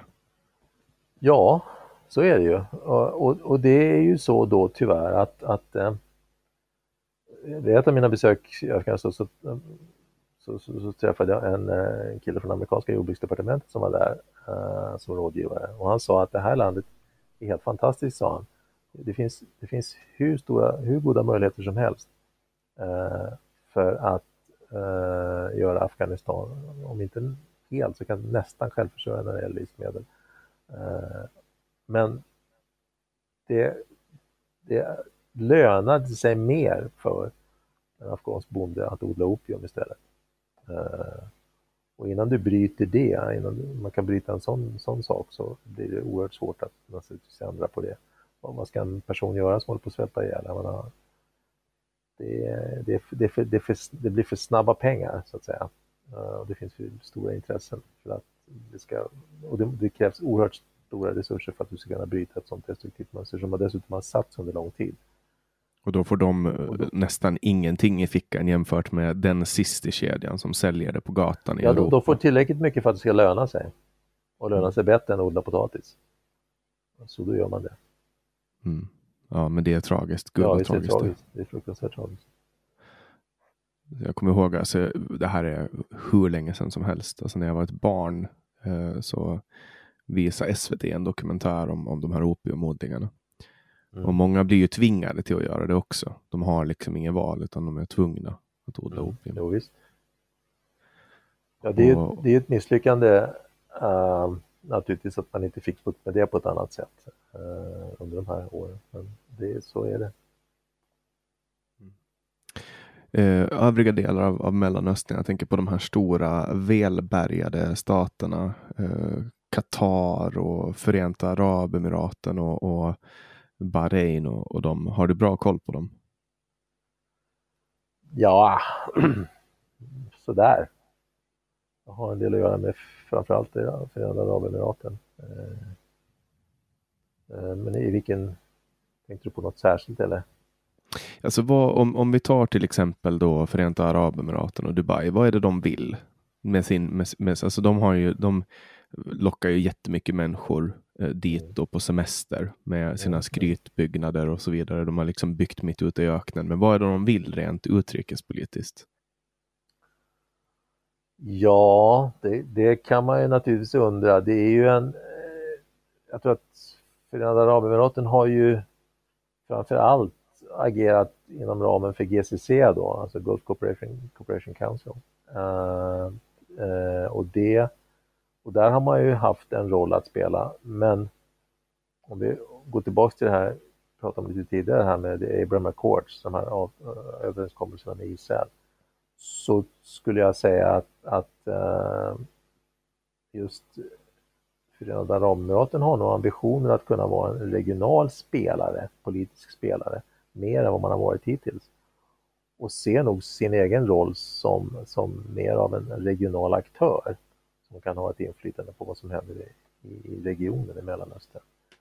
Uh, och då såg man det här, det här avtalet med Israel som en sån möjlighet att visa att man hade politiska muskler eh, och diplomatiska muskler eh, på ett sätt som, ja, som man kanske inte hade ambitionen att överhuvudtaget hålla på med tidigare. Men det är ju handelsstäder, höll jag på att säga. Det, det är nästan som att jämföra med, med Venedig, till exempel i Europa på, på, på, på 1500 och 1600-talet, 1400 och 1500-talet.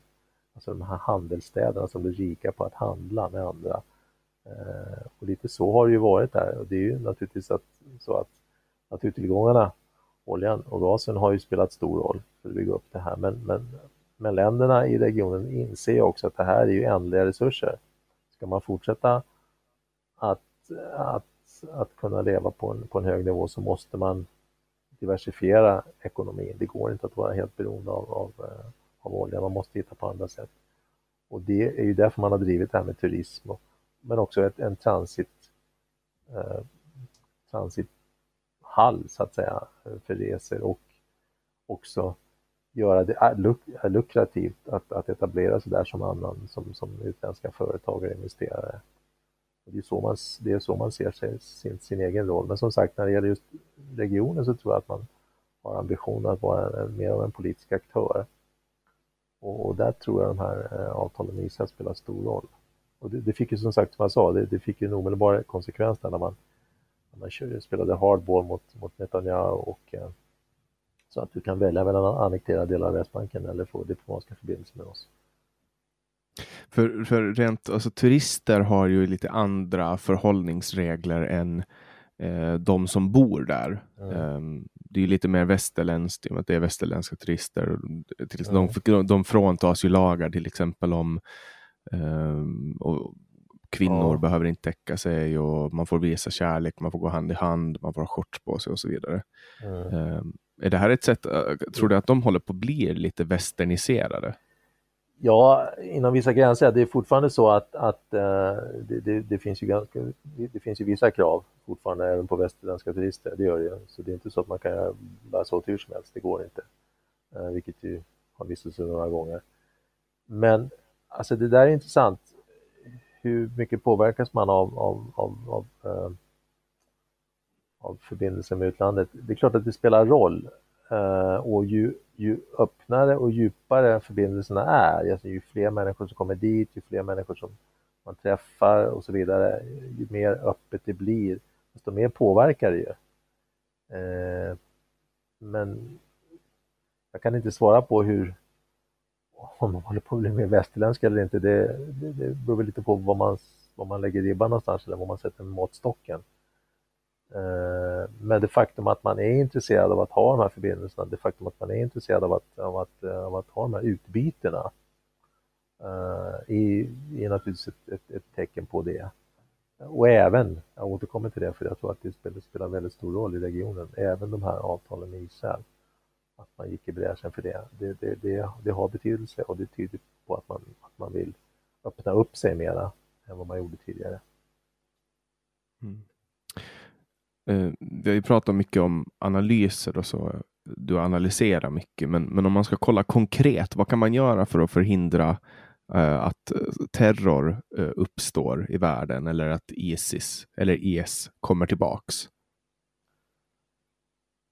Ja. Det är två olika nu, frågor, men jag menar, ja. det är ju lite samma. Men så här, Islamiska staten, hur förhindrar vi att ja. Islamiska staten kommer tillbaks? Alltså det tror jag, för, för det första då så har nu inte försvunnit. den har funnits hela tiden. Eh, återuppstånd, återfödd så att säga, så den, den, har inte försvunnit. Och det är lite olika delar i det här. Dels kan man titta, hur kan vi skydda oss mot, mot terrorattacker? Ja, då kan man ju då eh, diskutera hur man ska säga, skydda infrastrukturen, samhällsstrukturerna eh, från, att, från att drabbas. Och det är naturligtvis svårt i ett öppet samhälle helt och hållet att, att göra det. Eh, av jättestor vikt är naturligtvis underrättelse och säkerhetstjänst, att hålla koll på de här grupperna, hålla koll på individer som är aktiva eh, och så vidare. Det, det, det, det är absolut det viktigaste i ett demokratiskt samhälle. Att, att vara preventiv och det betyder att vara att, att störa de här grupperna hela tiden, att, att tala om för individerna att vi vet vilka ni är och, och, och, och hela tiden så att säga, visa att vi har koll på er. Det är jätteviktigt. Den, den preventiva åtgärden är, är otroligt viktig om vi, om vi nu talar om dem som aktörer här hemma i, i Europa då. När det gäller det Mellanöstern så är det mycket svårare eh, naturligtvis, därför att återigen, den, de ideologiska bevekelsegrunderna för Islamiska staten och al-Qaida för den delen, de finns kvar. Det finns tyvärr allt för många människor som tycker att det här är bra, som tycker att det här är värt att slåss för, vilket ju då visade sig när, när, när de utropade sin Islamiska stat. Det kom ju tusentals människor från hela världen som tyckte att det här är, det här är vad vi vill göra. Och där finns ju en annan del då, att, att, att, att, så att säga bemöta den här, att, att, att, att gå in i den här ideologiska kampen.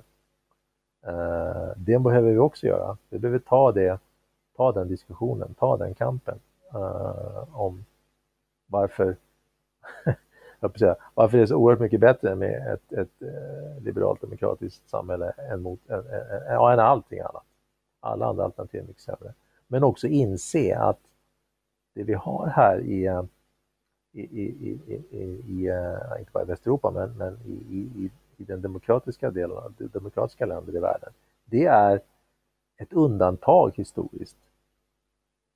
Alltså så har länder och imperier inte styrts för det mesta det demokratiska, inte bara väst, men det demokratiska som har växt upp efter andra världskriget är eh, förhoppningsvis inte en parentes, men det är, det är ovanligt. Och att inse att väldigt många människor eh, inte, tycker inte ens att det nödvändigtvis är det bästa sättet att styra ett land på. Eh, den insikten måste vi också ta med oss. Men att inte vara rädda heller för att ta diskussionen, för att, ta, ta, att diskutera det här, att våga bemöta, att våga möta andra människor i en ideologisk diskussion. Det är min egen erfarenhet efter, ja, det är i alla fall det är drygt 20 år, det är mer än 20 år, nästan 30 år som jag håller på med det. är 30 år, mer än 30 år.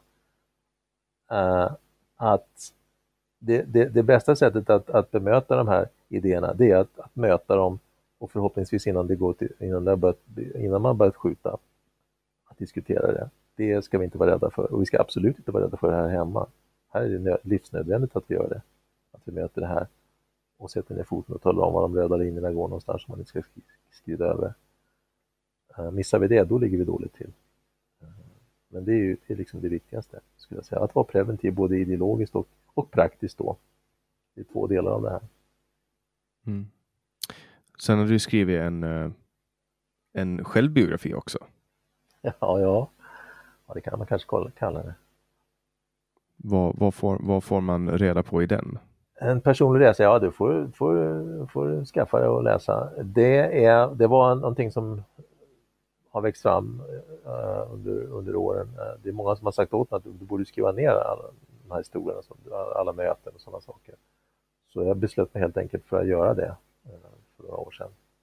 Um, det var en väldigt rolig bok att skriva. Jag, jag, jag, när jag är ute och reser så för jag ju dagbok och sådana saker jag är, så hela tiden. Eh, dels professionellt eftersom jag är forskare, men också för min egen del. Eh, så att, så att, eh, och det som, det som jag lyfte fram då i den boken, det är ju alla de här mötena som jag har haft runt om i världen. Så det var en väldigt rolig bok att skriva. Alla historier kom inte med, men det, jag har planer på att, att även att ge ut den igen då med lite nya, ytterligare berättelser och historier från mina resor. Ehm, så det, är, det var kul att skriva den boken. Sen vet jag också att du och jag delar ett intresse i hästar. Ja, äntligen kom han fram till det. Här har vi väntat i en och en halv timme. vi borde börja med det. Eller? Ja, eller hur? För då hade vi kanske inte kommit vidare. Nej. Men ja, det bästa det till sist. Ja, Men vad, vad är det för slags sist. ridning du håller på med? Jo, jag, jag rider västen uh, och uh, den häst jag rider nu är en nordsvensk vallack, uh, nordsvensk travare. Uh, vallack som är Kallblodig travare ja, säger man. Man får precis, inte säga. Ja, förlåt, ursäkta. Precis, kallblodstravare, inte varmblodstravare, kallblodstravare. Man får, det finns bara nordsvenska brukshästar längre. Man har ju delat stammen på 60-talet. Så ja. det, där är, det där är ungefär som att säga n-ordet. ja, det har du faktiskt rätt i. Fast det gör jag i alla fall i det här läget. Gör du? Säger du n-ordet? Nej, nej, men kallblodstravare säger jag. jag skojar. Och västernridning, är det så att du, du åker runt med en. Eh, en Colt Peacemaker? Ja, precis, precis. Just det, har sadeln som huvudkudde. Nej, det är lite för tuffa villkor i Sverige. Äter bönor? Och... nej, nej, men jag tycker om eh, västernridningen därför att den är eh, jag tycker om det sättet att rida därför att det handlar mycket om, om röst och små rörelser. Eh, och en, och en, eh, en, en, du måste ha, måste, du måste ha, det måste man i och för sig med all ridning kanske, men det, det, passar mig att ha en, att hitta en ton med hästen. Eh, eh och, och jag, ja nu låter det lite förmätet, men jag, jag, jag, kan göra det. Jag, jag, tycker om hästar och hästar tycker ofta om mig. Eh, så det, det är djup tillfredsställelse i det, att, att hitta den här tonen med, med en häst. Och att rida en häst i västern innebär ju att, man, att, du, att du har små du har långa stigbyglar, du, har, du sitter rakt ner, du, du använder eh, små rörelser, mycket röst uh, och så vidare. Jag tycker om det sättet att rida, det är väldigt avslappnat. Och sen har man en liten puckel för ett lasso också. Just det, just det. Saddlehorn. Just det, det, det, kan man ju diskutera vad man ska använda det till, men eh, till exempel så kan man ju använda det till... Alltså grejen är, västernridning eh, utvecklades ju...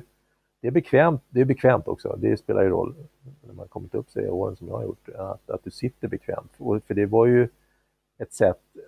Västernsadlar och västernridning är ju, det är ju, det är ju jobb. Det togs ju fram för att du ska sitta i sadeln i tio timmar ja, och, och då måste det vara bekvämt. Så att det, det är också en viktig aspekt av det här eh, att, det ska vara, att det ska vara bekvämt. Och sen så tycker jag om att vara ute i, och rida i, i skog och mark. Eh, och det kan man göra här. Jag bor, jag, jag bor på Dalarö i Stockholms södra skärgård, eh, apropå skärgård. Eh, och eh, min, eller hästen som jag rider och står i Sorunda. Som är, ja, det är på Södertörn då. Och det är fantastisk miljö. Så att rida i. Mycket vacker, en vacker del av Sverige. Hur länge har du hållit på med hästar? Ja, alltså det är ju inte så länge egentligen, utan grejen var att det här började då, faktiskt, det kan jag säga 2004, så var jag och, ja då var hon inte min fru än, men hon blev det sen, i Arizona. Eh, och eh, vi var i Grand Canyon en vecka och så, och så var vi på en ranch i södra Arizona. Eh, och jag, håll i det nu, jag, jag tog med mig golfklubbor, jag tänkte att jag skulle spela golf där. Men, men eh, det gjorde jag en gång. Det gjorde vi det. Sen red jag förresten. För det, det, det, det, första kvällen i den här, på den här ranchen så var vi ute på en liten tur då och jag insåg plötsligt att men vad fan, har jag inte börjat med det här tidigare för? Det här är, det är här ska var det jag... första gången du red då? Nej, det var, det var inte första ja, det var nästan första gången jag red. Jag, har, jag red lite när jag var, jag kommer inte ihåg, 11 eller 12 år var jag tror jag. Och då gick jag en termin på en ridskola uh, som sen stängde. Eh, men jag har alltid gillat djur, alltså jag tycker om att vara med djur. Det, det har aldrig varit något problem. Men så det här var ju första gången jag var ute där ordentligt. Och bara, det bara satt som en smäck. Och sen när, när vi kom hem så tänkte jag det här måste jag fortsätta med och då letade vi, höll på och leta tills jag hittade ett ställe eh, där jag kunde ja, rida, rida, rida västen då. Och sen en kvinna som hade hästar ute i, i, i Uppland. Eh, och och Eh, och då hade hon, eh, då, det var faktiskt inget, det var en brukshäst, en Nordsvensk brukshäst som jag red. Och det var, det var han som lärde mig att rida. Kummin hette han. Det var en klok häst. Cool. Jag, jag har ju också börjat med, med hästar nu i vuxen ålder. Mm, för... just det, ja precis. Ja, det är som jag då. Mm. Jag, blev, jag blev lurad på, på trav. Du blev lurad? Ja, men min kompis, um, han är hans mamma är, är proffstränare och han är B-tränare. Mm. Och han ska iväg på trav till Stockholm och han ville inte åka ensam. Så han, eh, han fick mig att tro att, eller han, han, han berättade inte att vi ska ha med en häst. Helt enkelt. Han frågade om jag ville med till Stockholm. Och när jag kommer ner så har han liksom kopplat på ett hästsläp på bilen och då står jag på Solvalla i ett svarta läderskor och, och skjorta och en svart rock. Liksom. Och wow. kände mig obekväm och jag var liksom rädd för hästar. Men eh, sen var det bara slump att corona kom och enda, enda sättet för mig att träffa honom när jag bodde i Stockholm, det var mm. att, att haka på honom när han åkte på trav, för det gjorde han ganska ofta, två gånger i månaden kanske. Ja, ja, ja. Och det var under den tiden som, som jag fastnade för hästarna. Ja. Så nu har man, du egna travhästar, var det så? Eh, jag är ägare, ägare. delägare av en travhäst. Okay. Uh, och håller faktiskt på att utbilda mig till hästskötare. Så ja, häftigt.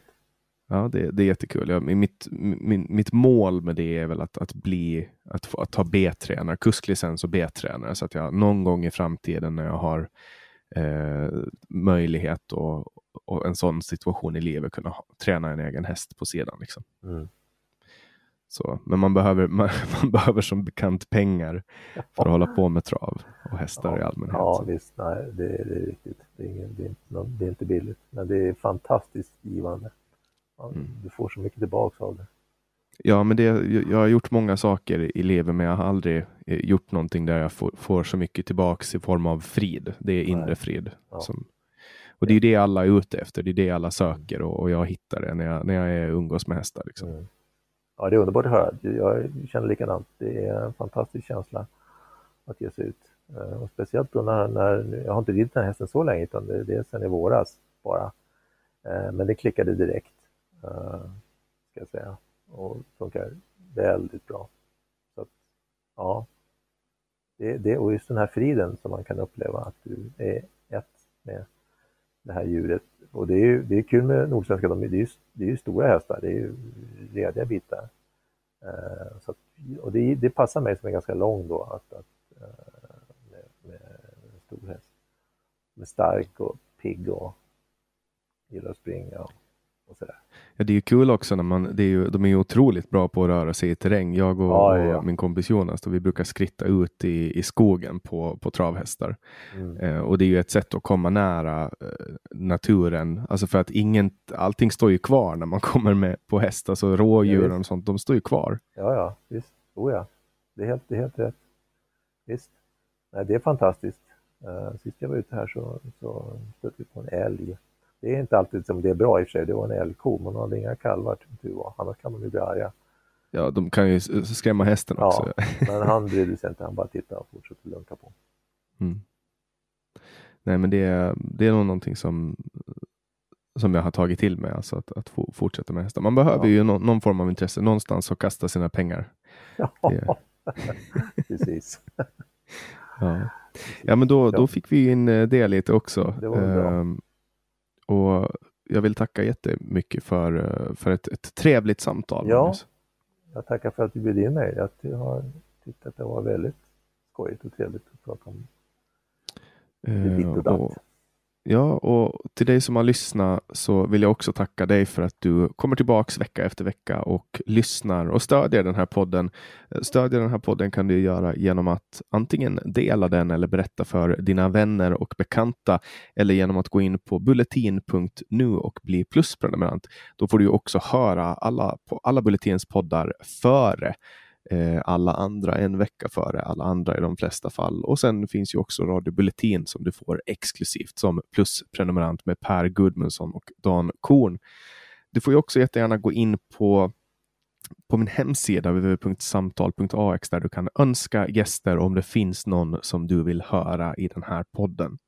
Jag släpper nya samtal alla onsdagar året runt. Jag heter Jannik Svensson och du har lyssnat på podcasten Samtal.